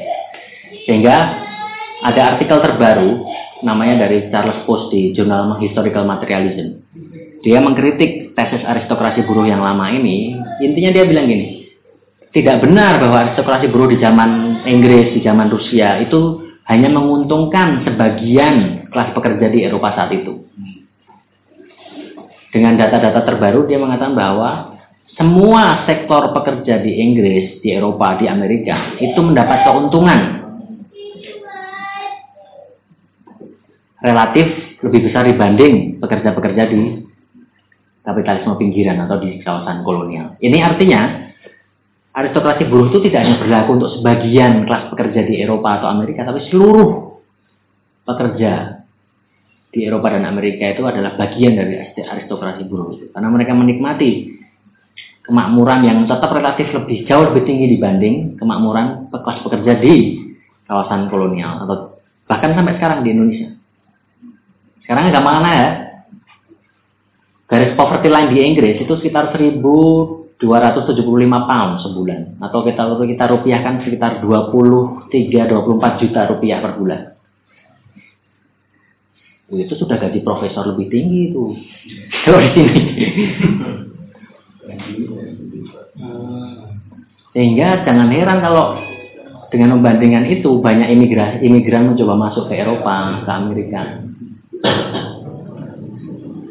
Artinya para imigran yang sering kali didiskriminasi ini pun ini adalah bagian dari aristokrasi buruh. Kalau kita analisisnya sifatnya global.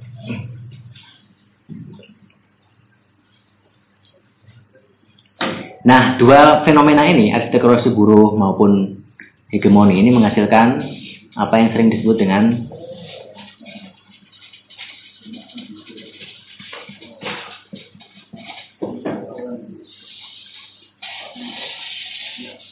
kesadaran palsu atau false consciousness. Jadi kalau ada buruh yang nggak melawan dan justru ini wah kamu nih gimana kamu kamu ini punya misi historis loh untuk menjungkalkan kapitalisme. Aktivis buruhan gitu. Ya, terus yang digituin kamu tahu apa kamu nih ini aku harus menyekolahkan anak harus bayar sekolah dan seterusnya. Tapi dari perspektif Marxis kita bisa sebut Marxis apa ya struktural tadi oh kamu mengalami kesadaran palsu. Karena kamu tidak paham esensi dirimu ini sebagai misionaris untuk menjungkalkan kapitalisme. Nah kalau ada kehadiran kesadaran palsu ya ini kita bicara implikasi politiknya. Terus gimana dong biar ada kesadaran sejati kesadaran kelas yang revolusioner kesadaran kelas yang sosialis ini serius jangan kita main ya.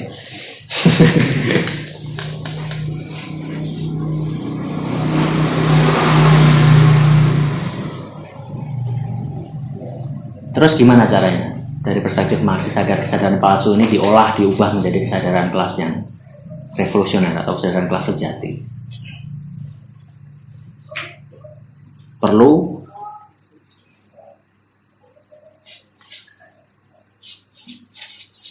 kaum pelopor istilahnya. Baik itu partai sosialis dan intelektual. Nah, mereka ini harus melakukan injeksi kesadaran kelas yang sejati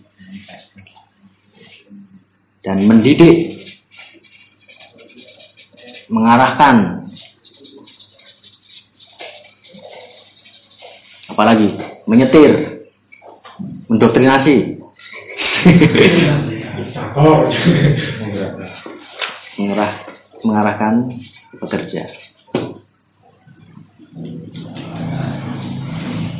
Anda kan masih sudah populer kan dengan ini ya? Iya nggak?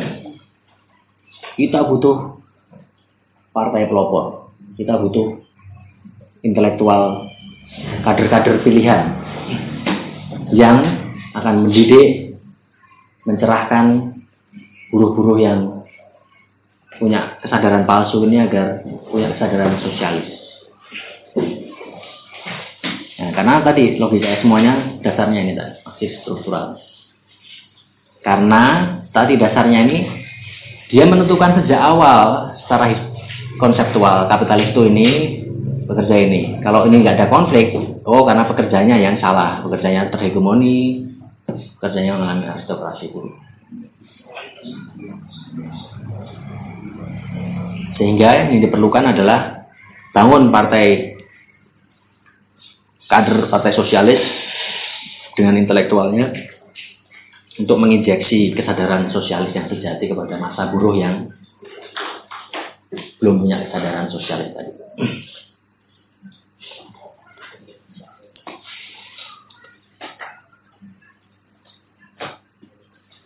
Jadi relasinya itu satu arah. Nah inilah yang disebut sentralisme demokratis atau ya ada kecenderungan karena dia satu arah, ada kecenderungan otoritarianisme di situ.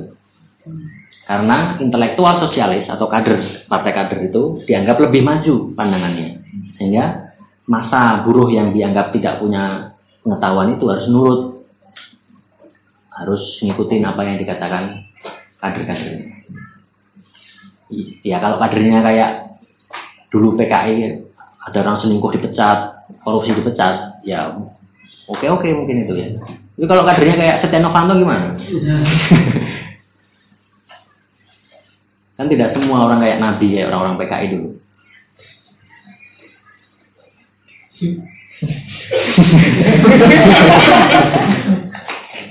Bayangkan gimana dulu orang itu. Ada orang selingkuh dikit pecat. Si siapa itu? Nyoto. Selingkuh pecat. Korupsi apalagi?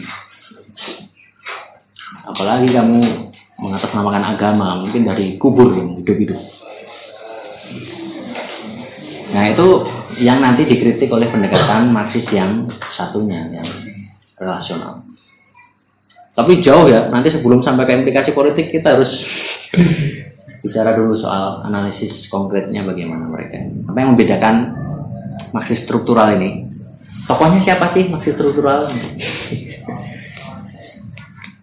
ya, pasti yang ada nama ini, Althusser.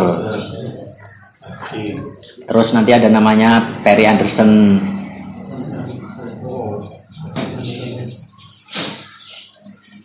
Ada namanya Stuart Hall. Mungkin kalian terkejut ya, Stuart Hall kok bisa masuk Marxist struktural? Dia kan inisiator cultural studies. Iya. Nah, saya juga terkejut awalnya. Di mananya? ya, Maksudnya di mananya? Hall. jadi analisis Stuart Hall maupun W.P. Anderson itu masih percaya bahwa posisi kelas, struktural kelas itu harus didahulukan sebelum kita menganalisis relasi kelasnya. Nanti akan berbeda dengan yang relasional.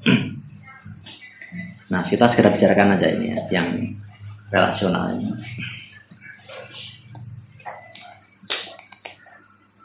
Analisis konkret. Ini hampir sama, diawali dari teori, kriteria. Nah, tapi ini yang membedakan di sini nanti. Posisi kelas atau struktural dan relasi kelas.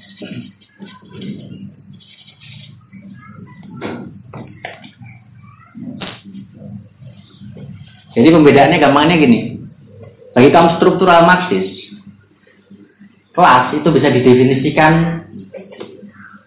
pertama-tama dari posisi struktural dia. Apakah dia punya alat produksi atau tidak. Nah, urusan nanti ada relasi atau tidak, ada konflik atau tidak, itu analisis berikutnya. Belakangan. Oke ya. Bagi kaum yang ini tidak. Definisi kelas itu tidak bisa didefinisikan secara arbiter antara yang punya sarana produksi dan tidak. Tapi definisi kelas, sebuah kelas itu hanya ada kalau dia berrelasi dengan kelas yang lain. Artinya dia berada dalam konflik dengan kelas yang lain. Dan ini bisa dilihat dari adanya yang disebut tadi kesadaran. Orang harus konflik kan pertama-tama dia harus sadar dulu bahwa kepentingan dia itu berbeda dengan kepentingan kelas yang lain. Nah ini tokohnya siapa? E.P. Thompson yang paling terkenal. Dan nanti ada yang namanya Ellen Wood. Jadi Ellen Wood itu masuk kategori Marxis yang relasional. Dia yang membela E.P. Thompson ketika dikritik oleh Perry Anderson dan Stuart Hall. Jadi definisinya E.P. Thompson itu kan kelas itu hanya ada kalau ada kesadaran kelas. Tapi kesadaran kelasnya itu tidak harus sifatnya revolusioner. kesadaran kelas itu bagi Thompson ada dua. Kesadaran kelas yang sifatnya itu masih in the making, masih dalam proses, atau dia menyebutnya masih dalam tahap common sense, dan kesadaran kelas sejati. Jadi ada level pembedaannya. Jadi kelas hanya ada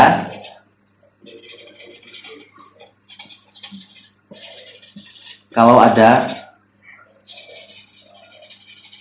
kesadaran kelas yang berujung pada konflik kelas. Jadi gampangannya, kalau tidak ada konflik kelas, berarti menurut Ipsi Thompson tidak ada kelas, tidak ada kelas buruh, tidak ada kelas kapital. Kelas buruh dan kelas kapitalis hanya ada kalau mereka berada dalam panggung pertempuran itu. Karena itu mengindikasikan masing-masing kelas itu punya kesadaran tertentu. Tapi kesadarannya itu tidak harus bersifat revolusioner seperti bayangannya yang di sini tadi. Bagi Thomson, kesadaran kelas itu ada dua ya. Kesadaran ini ada beberapa istilah yang berbeda. Thompson menyebutnya common sense.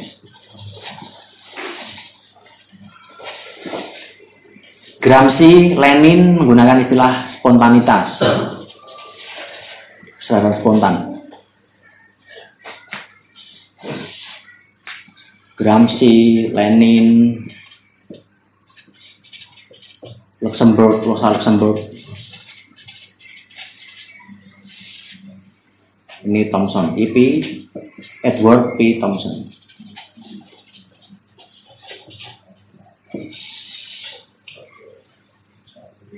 Sadaran common sense atau kesadaran spontan kemudian menjadi sadaran kelas sejati atau revolusioner.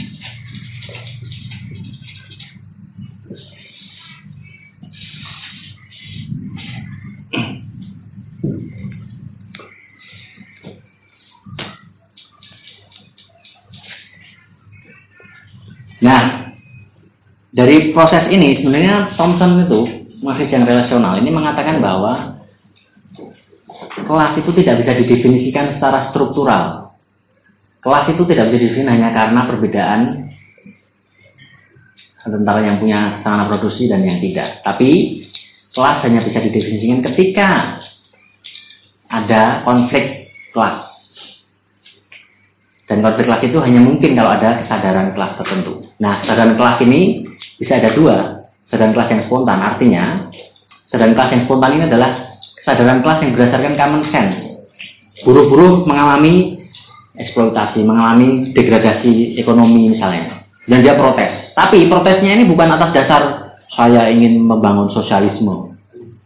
Tapi saya protes, saya melawan kapitalis karena saya ingin upah yang lebih tinggi, saya ingin kondisi kerja yang lebih baik, saya ingin tapi tidak mempersoalkan relasi kelas itu sendiri, tidak belum mempersoalkan kapitalisme itu sendiri. Makanya disebut baru kesadaran common sense atau Lenin menyebutnya kesadaran spontan. Orang kalau diantemin kan lama-lama melawan. Tapi melawannya itu cuma pengen dendam antara melawan pengen dendam dengan melawan untuk wah saya ingin membangun masyarakat yang lebih adil. Ini beda levelnya. Yang satu cowok pokoknya saya balas antem dulu. Enggak peduli saya dengan gagasan keadilan, kebebasan, kesetaraan. Tapi level yang berikutnya sudah sampai ke situ. Nah makanya dalam bukunya yang sangat klasik itu E.P. Thompson, The Making of the English Working Class. Maka judulnya disebut The Making. Kenapa? Karena periode yang dia jelaskan itu awal-awal tahun 8, 17 akhir abad 18 eh, ya, 17 sekian sampai puncaknya 1840 ketika gerakan buruh chartisme itu dihancurkan, Thompson itu menganggap bahwa sedang terjadi pembentukan kelas, tapi levelnya baru sekadar kesadaran common sense. Makanya disebut the making, masih dalam proses. Makanya dia tidak mengklaim kaum buruh di Inggris itu sudah sampai pada level kesadaran sejati untuk menjungkalkan kapitalisme. Tapi dengan ini dia ingin bilang bahwa Bu Yao jangan kalau ada buruh yang menuntut upah yang lebih tinggi, apa-apa dikit disebut kesadaran palsu, disebut reformis, disebut tidak revolusioner. Ini loh sebenarnya yang ingin dituju Thompson itu kayak gitu sih. Implikasi politiknya ke situ. Jadi kalau ada buruh yang pengen berorganisasi melawan tapi dasarnya bukan atas sosialisme tapi dasarnya masih pengen ekonomistis gitu ya kalau istilahnya Lenin atau istilah yang lain. Wajar. Itu masih itu adalah salah satu tahap saja.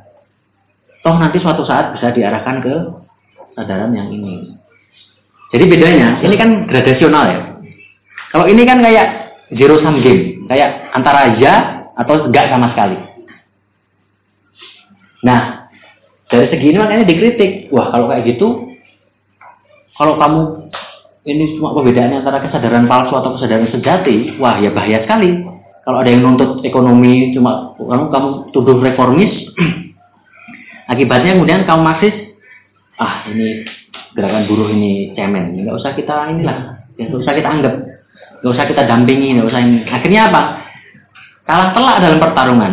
Pertarungan medan pertarungan benar-benar tidak ada perlawanan sama sekali karena buruh yang baru mau melawan tapi tidak punya basis sosialisme, ideologi sosialisme, kemudian dibiarkan. Tidak ada upaya untuk membantu berkawan, berkolaborasi dengan mereka ini. Karena sejak awal sudah ada konsepsi bahwa wah, ini gerakan buruhnya ini ekonomistis, reformis, sadaran palsu.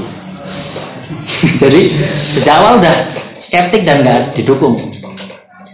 Nah akibatnya medan pertempuran itu kayak bener-bener kaum masih cuma duduk terus menyaksikan nah, biarin aja lah kalah mau kesadaran palsu aja kok. Nah Thompson nggak pengen kayak gitu. Dan Ellen Wood dan seterusnya karena kelas tadi ada prosesnya. Tidak bisa hanya karena pemilikan alat produksi tapi proses menyadari bahwa kepentingan mereka ini berbeda dengan kepentingan si yang mengeksploitasi tadi dan proses menyadari itu punya tingkatannya. Pertama-tama mereka sadar bahwa, oh oke, okay, kepentinganku berbeda sama kamu. Makanya aku melawan untuk menaik upah dan seterusnya. Tapi belum sampai ke level, wah oke okay, kepentinganku berbeda sama kamu selamanya. Sehingga hubungan kelas yang eksploitatif ini harus kita hancurkan. Belum sampai ke level itu. Tapi level pertama memang baru menyadari bahwa, oh kita ini berbeda ya dengan kapitalis sama ini. Itu saja sudah kemajuan yang luar biasa bagi buruh-buruh. Kalau kawan-kawan dekat dengan buruh pasti gampang mengamati ini. Bandingkan antara buruh-buruh yang pertama baru datang dari desa dan beberapa tahun kemudian ikut serikat buruh dan mengalami transformasi yang luar biasa. Tadinya ngomong aja nggak berani, pengetahuannya sangat sempit. Setelah ikut pendidikan itu macam-macam, ngomong lebih percaya diri. Bahkan suatu saat sudah berani mendebat kepala disnaker tapi apakah kemudian mereka ini hanya karena dia belum menuntut sosialisme terus dianggap wah kamu tetap aja mengalami kesadaran palsu. Kan lumayan. Molotov yang parin itu lumayan. Nah ini yang mau diselamatkan oleh kaum Marxis yang relasional ini bahwa peran politik ini bertahap gitu. Tentu saja ini bukannya tanpa kritik, ini kan juga ada danger ya, ada mas, ada bahayanya juga. Kalau orang kelamaan di level ini, ya kayak tadi, nyaman dengan setelah tuntutan-tuntutan upahnya lebih tinggi dikabulkan, pekerjaannya tetap dikabulkan, terus merasa nyaman di situ, suatu saat mereka akan dihancurkan lagi oleh kapitalis. Karena ini soal perjuangan kelas di masa tertentu itu. Tidak akan selamanya buruh itu kuat. Dan itu terbukti setelah tahun 80-an. Setelah tahun 80-an ke sini ketika neoliberalisme diinstal, itu kan pada dasarnya working class itu retreat. Berada dalam posisi yang defensif. Karena diserang terus-menerus. Upahnya dikurangi, fleksibilitas kerja dilakukan, artinya selamat apa, keamanan kerja sekarang berkurang, bonus dikurangi dan seterusnya. Jadi sekarang dalam posisi retreat, working class di level dunia nggak hanya di Indonesia aja. Dan itu tolaknya ya tahun setelah tahun 80-an itu. Setelah masa keemasan tahun 45 sampai tahun 70-an. Nah, itu yang tadi baby boom, masa emasnya welfare state, masa emasnya Keynesianism dan seterusnya.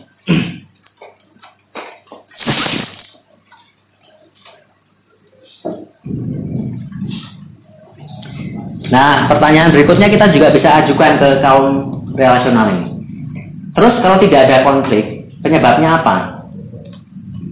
Mengapa tidak ada konflik kelas? Apakah karena hegemoni? Kalau kayak gitu penjelasannya nanti solusinya sama dong.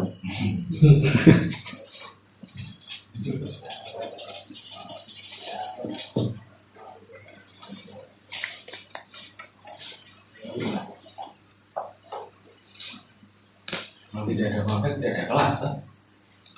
Lah ya. Nah, terus berarti mengapa tidak ada kelas? Jawabannya adalah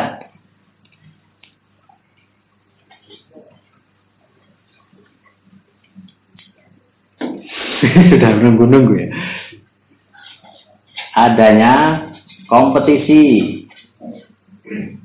yang ajak atau terus menerus ya antar individu pekerja untuk menjual tenaganya.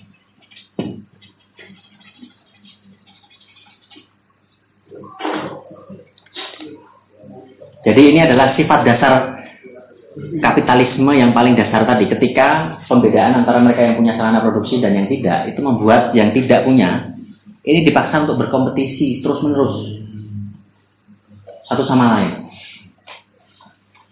Dan ini kan yang menjadi dasar tadi yang disebut aristokrasi buruh kan pertama-tama karena sebagian buruh ini kan individu-individu buruh ini bersaing satu sama lain untuk memperebutkan kerja. Bahkan sekarang pun gampangannya ya istilah paling ironisnya adalah mau dieksploitasi saja harus ngantri. Nah itu kata kunci. Terutama ini dalam konteks negara berkembang, makanya saya sebut itu surplus labor, surplus pekerja. Bahkan untuk dieksploitasi saja harus ngantri. Jadi ada yang berpendapat permasalahan di negara berkembang itu bukan hanya karena eksploitasi, tapi karena eks eksklusi. Jadi dipinggirkan, benar-benar tidak dianggap relevan, tidak berguna bagi kapital. Makanya muncul tukang tambal ban, informal worker di mana-mana itu karena tidak relevan bagi kapital. Dan Anda tahu berapa per perbedaan antara modal yang ada di Amerika, di negara kapitalis maju dengan negara pinggiran. Saya juga baru tahu datanya belum lama dan saya shock. 90% fixed capital itu masih ada di advanced capitalist countries. Jadi FDI, foreign direct investment yang kelihatannya besar di Indonesia, di Cina, di mana, itu hanya 5% dari total seluruh kapital yang ada di dunia ini. Jadi kebanyakan kapital itu mengalir di antara negara-negara maju itu. Ya, ya mereka mainnya di sektor industri pesawat terbang, kimia, yang semuanya adalah padat modal. Dengan tenaga kerja yang sedikit, tapi nilai tambah yang dihasilkan itu sangat tinggi. Yang itu harus kita beli dengan barang-barang mentah kita, masuk upah buruh kita. Bahkan itu salah satu barangkali yang menjelaskan mengapa kita sudah obral buruh murah pun. Kapitalis asing masih mikir-mikir mau masuk Kecuali kalau ada, nah kayak misalnya di Amerika ada rejim kredit, uh, the Fed kan mau menurunkan suku bunga, yang itu artinya keuntungan di sana akan berkurang karena uang itu di sana jadi murah. Daripada uang di sana dinilai murah, buang aja uangnya ke negara pinggiran. Nah tapi kan the Fed masih hati-hati belum mau menurunkan suku bunga secara drastis. Pusing ya, debat itu apa belum? Jadi ini uh, analisis Marxis itu harus selalu ekonomi dan politik. Makanya kawan-kawan kalau pengen jadi Marxis beneran, Anda harus paham rezim kredit murah itu apa, inflasi. Jadi jangan cuma sok-sokan wah alienasi, eksploitasi buruh ini, tapi nggak paham ekonomi makro mikro. Inilah kenapa Marxis di Indonesia nggak maju-maju. Bayangkan Marxis di Indonesia itu coba saya tantang cari satu aja ekonom Marxis di Indonesia. Kalau berhasil menemukan traktir bakso. Yang ada semua sejarawan Marxis, sosiologis Marxis, ilmuwan antropologi Marxis, ilmuwan politik Marxis, nol. Ada yang jurusan ekonomi nggak? Tuh kan? Lebih parah lagi. Mana ada orang ekonomi tertarik belajar Marxis? Nah, tapi tantangannya lebih berat. Nah, saya mengapa sedikit belajar ekonomi? Karena dulu saya kuliahnya di jurusan yang nggak jelas. Jurusan administrasi negara. Sekarang namanya jadi manajemen kebijakan publik. yang itu mempelajari semua. Saya diajari antropologi, diajari ekonomi, diajari politik, sehingga wah ini cocok ini untuk benih-benih mahasiswa muncul. Karena kemudian buat skripsi saya itu tentang ekonomi politiknya. Sehingga saya harus tahu sedikit banyak tentang pertumbuhan ekonomi, inflasi, dan kategori-kategori ekonomi yang teknis yang lain. Dan itu juga tantangan bagi Anda. Kalau Anda ingin jadi Marxis yang serius, Anda harus belajar ekonomi. Kalau cuma belajar sejarah, kalaupun sejarah, nah coba saya tantang sedikit lagi aja. Cari ada nggak sejarawan yang ngakunya Marxis, tapi fokusnya ke ekonomi. Jangan harap Anda menemukan. Semua sejarah Marxis itu pasti tentang kematian massal, tentang apa, tentang pemberangusan serikat buruh. Tapi nggak ada yang bisa menceritakan bagaimana misalnya efek pembantaian massal terhadap kondisi ekonomi di Indonesia dari perspektif Marxis. Bagaimana misalnya keuntung, tingkat keuntungan di zaman itu. Bagaimana relasi, apakah corak perusahaan-perusahaan saat itu tuh bersifat kapitalis monopoli atau masih kompetitif. Yang itu sangat penting untuk analisis-analisis kita berikutnya. Tidak kapital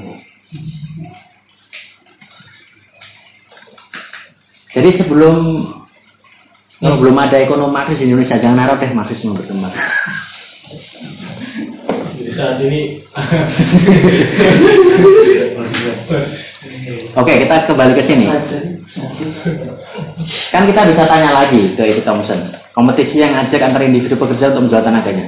Loh, tapi kan itu sudah berlangsung sejak zaman kapitalisme awal juga kayak gitu, Thompson.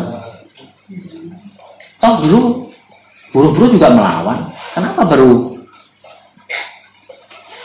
zamannya Marx tadi tahun 1840, zamannya Lenin pas perang dunia kedua, terus baru setelah perang dunia eh perang dunia pertama sorry ya yang Lenin, terus perang dunia kedua. Kenapa baru masa-masa itu aristokrasi buruh? Atau konflik kelas itu tidak ada? Tadi nggak sempat kepikiran kayak gini.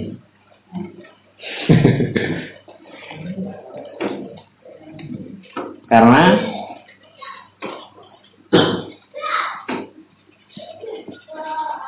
tidak adanya organisasi kelas pekerja yang efektif.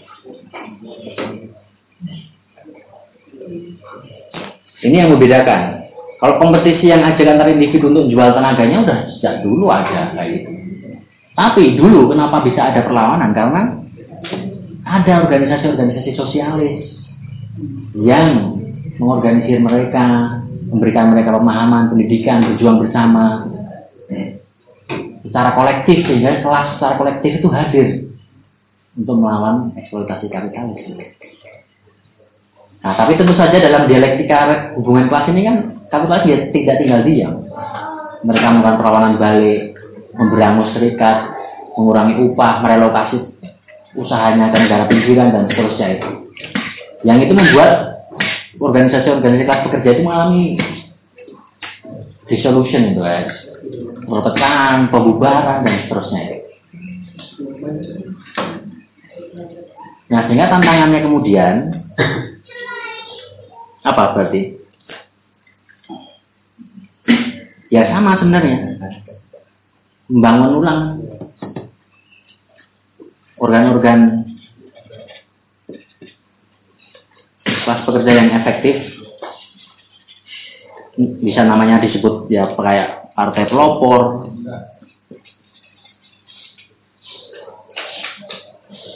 Partai lah ya partai kelas pekerja itu. Partai kelas pekerja.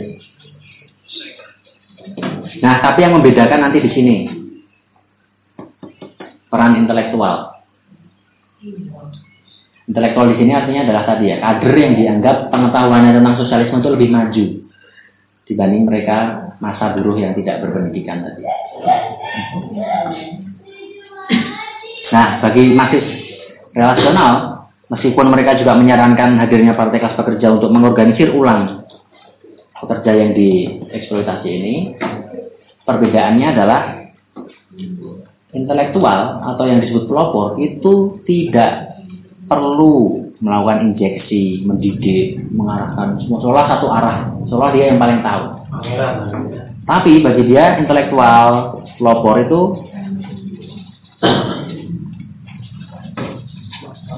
harus sifatnya sekolah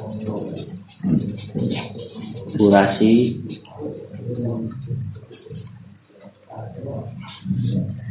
diskusi dengan pekerja.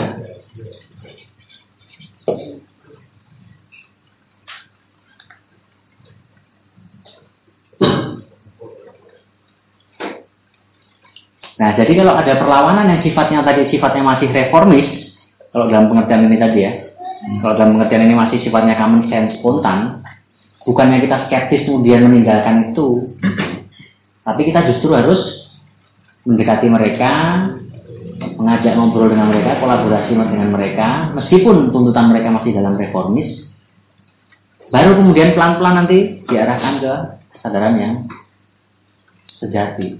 Karena pengertian kelas tadi kan sifatnya gradasional dalam Thompson, proses. Jadi ini pembedaan yang paling mencolok ya. Sehingga kaum intelektual dalam tradisi ini itu bukan yang paling tahu. Tapi dia sebagai kolaborator, sebagai teman lah. Jadi kalaupun dia ingin menyarankan solusi-solusi sosialis, ideologi sosialis, ya oke. Okay tapi sifatnya tidak doktriner dan tidak harus memaksakan fase-fase yang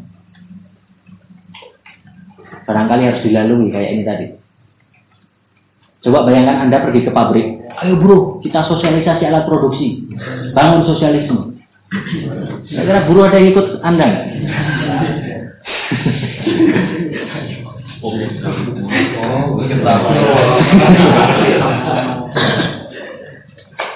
Tapi ada yang kayak gitu. Karena demi kemurnian ideologi sosial. Masa tuntutannya cuma apalagi cuma upah kenaikan upah apalagi cuma mengangkat buruh kontrak menjadi buruh per, apa tetap aduh tuntutan reformis itu. Tidak mempersoalkan kapitalisme. Sebagai sistem yang eksploitatif. Ya kalau kayak gitu ya udah silahkan aja tidur. Udah tunggu aja nanti ada kesadaran kelas atau enggak. Nah bagi yang tradisi sini beda. Justru ketika itu hadir mulai hadir kelas itu hadir meskipun dalam tahap yang awal spontan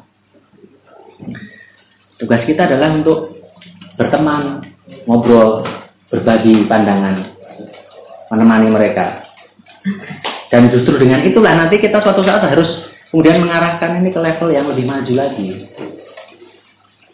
Tidak ujuk-ujuk langsung sosialisasi alat-alat produksi. Kau ngomong apa tuh mas, mas?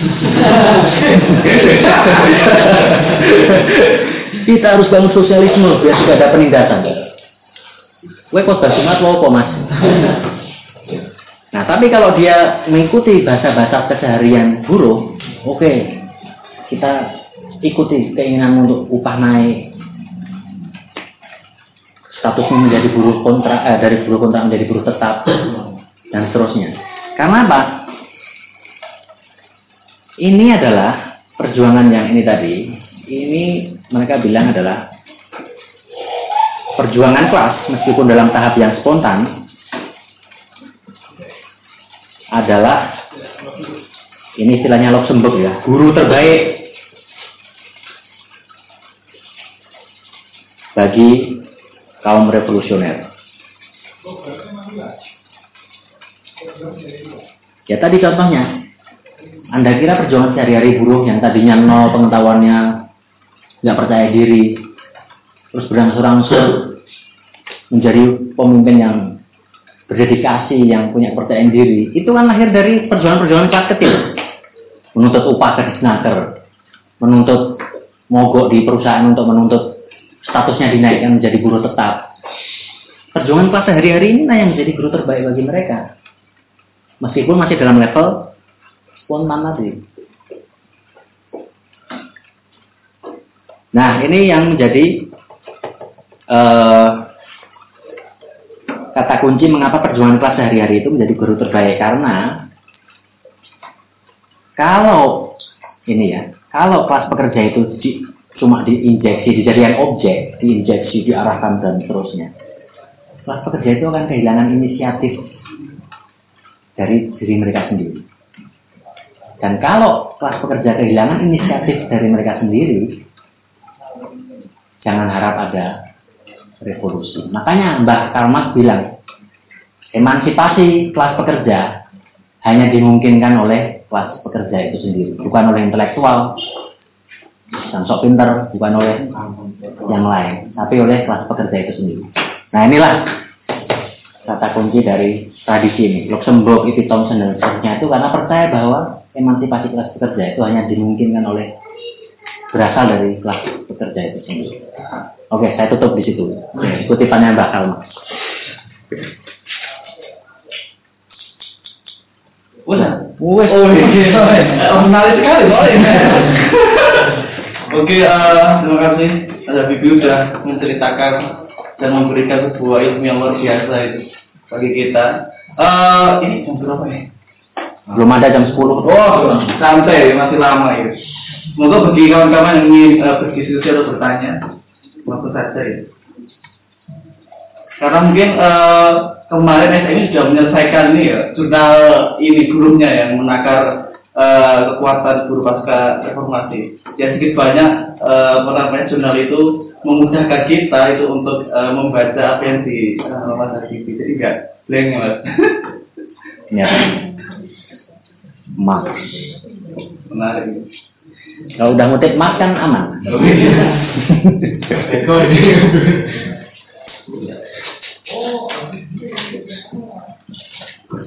Jadi eh, salah satu mengapa ada perdebatan Marx Marxis di antara yang berbeda juga karena Marx itu menggunakan istilah kelas secara berganti-gantian. Ada tulisan dari Bertel Olman, Olman di jurnal lupa saya namanya, yang menjelaskan penggunaan konsep kelas dalam oleh Marx. Jadi dia mengkaji dari tulisan-tulisan Marx dari paling awal sampai paling tua, kemudian dia cari penggunaan kata kelasnya Marx itu. Dan kesimpulan dia, tidak ada penggunaan konsep kelas Marx yang konsisten satu sama lain. Artinya dia menggunakannya secara loose, secara bebas. Ya karena memang Marx itu bukan tujuannya bukan untuk akademik, bukan untuk gagah-gagahan, harus konsisten, harus rigorous, harus precise. Karena waktu itu dia menjadi reformasi, menjadi revolusioner, dia pengen aktivis ya, menjadi aktivis untuk melawan perubahan. Sehingga baik kedua belah pihak ini bisa saja mengutip Marx untuk mendukung posisinya. Tapi kalau ini beneran, ini, ini dari Mas beneran, saya nggak bohong ini. Emansipasi kelas pekerja itu hanya dimungkinkan berasal dari kelas pekerja itu sendiri. Artinya, jangan sampai inisiatif yang berasal dari kelas pekerja itu sendiri itu mati karena terlalu kita obok-obok, selalu kita intervensi intervensi dari luar, meskipun kita menganggap kita paling pintar. Dari tradisi ini, oke okay, kita lebih pintar, tapi kita tidak menganggap guru itu pure objek yang harus kita kendalikan. Kita diskusi dengan mereka, kita engage, kita kolaborasi.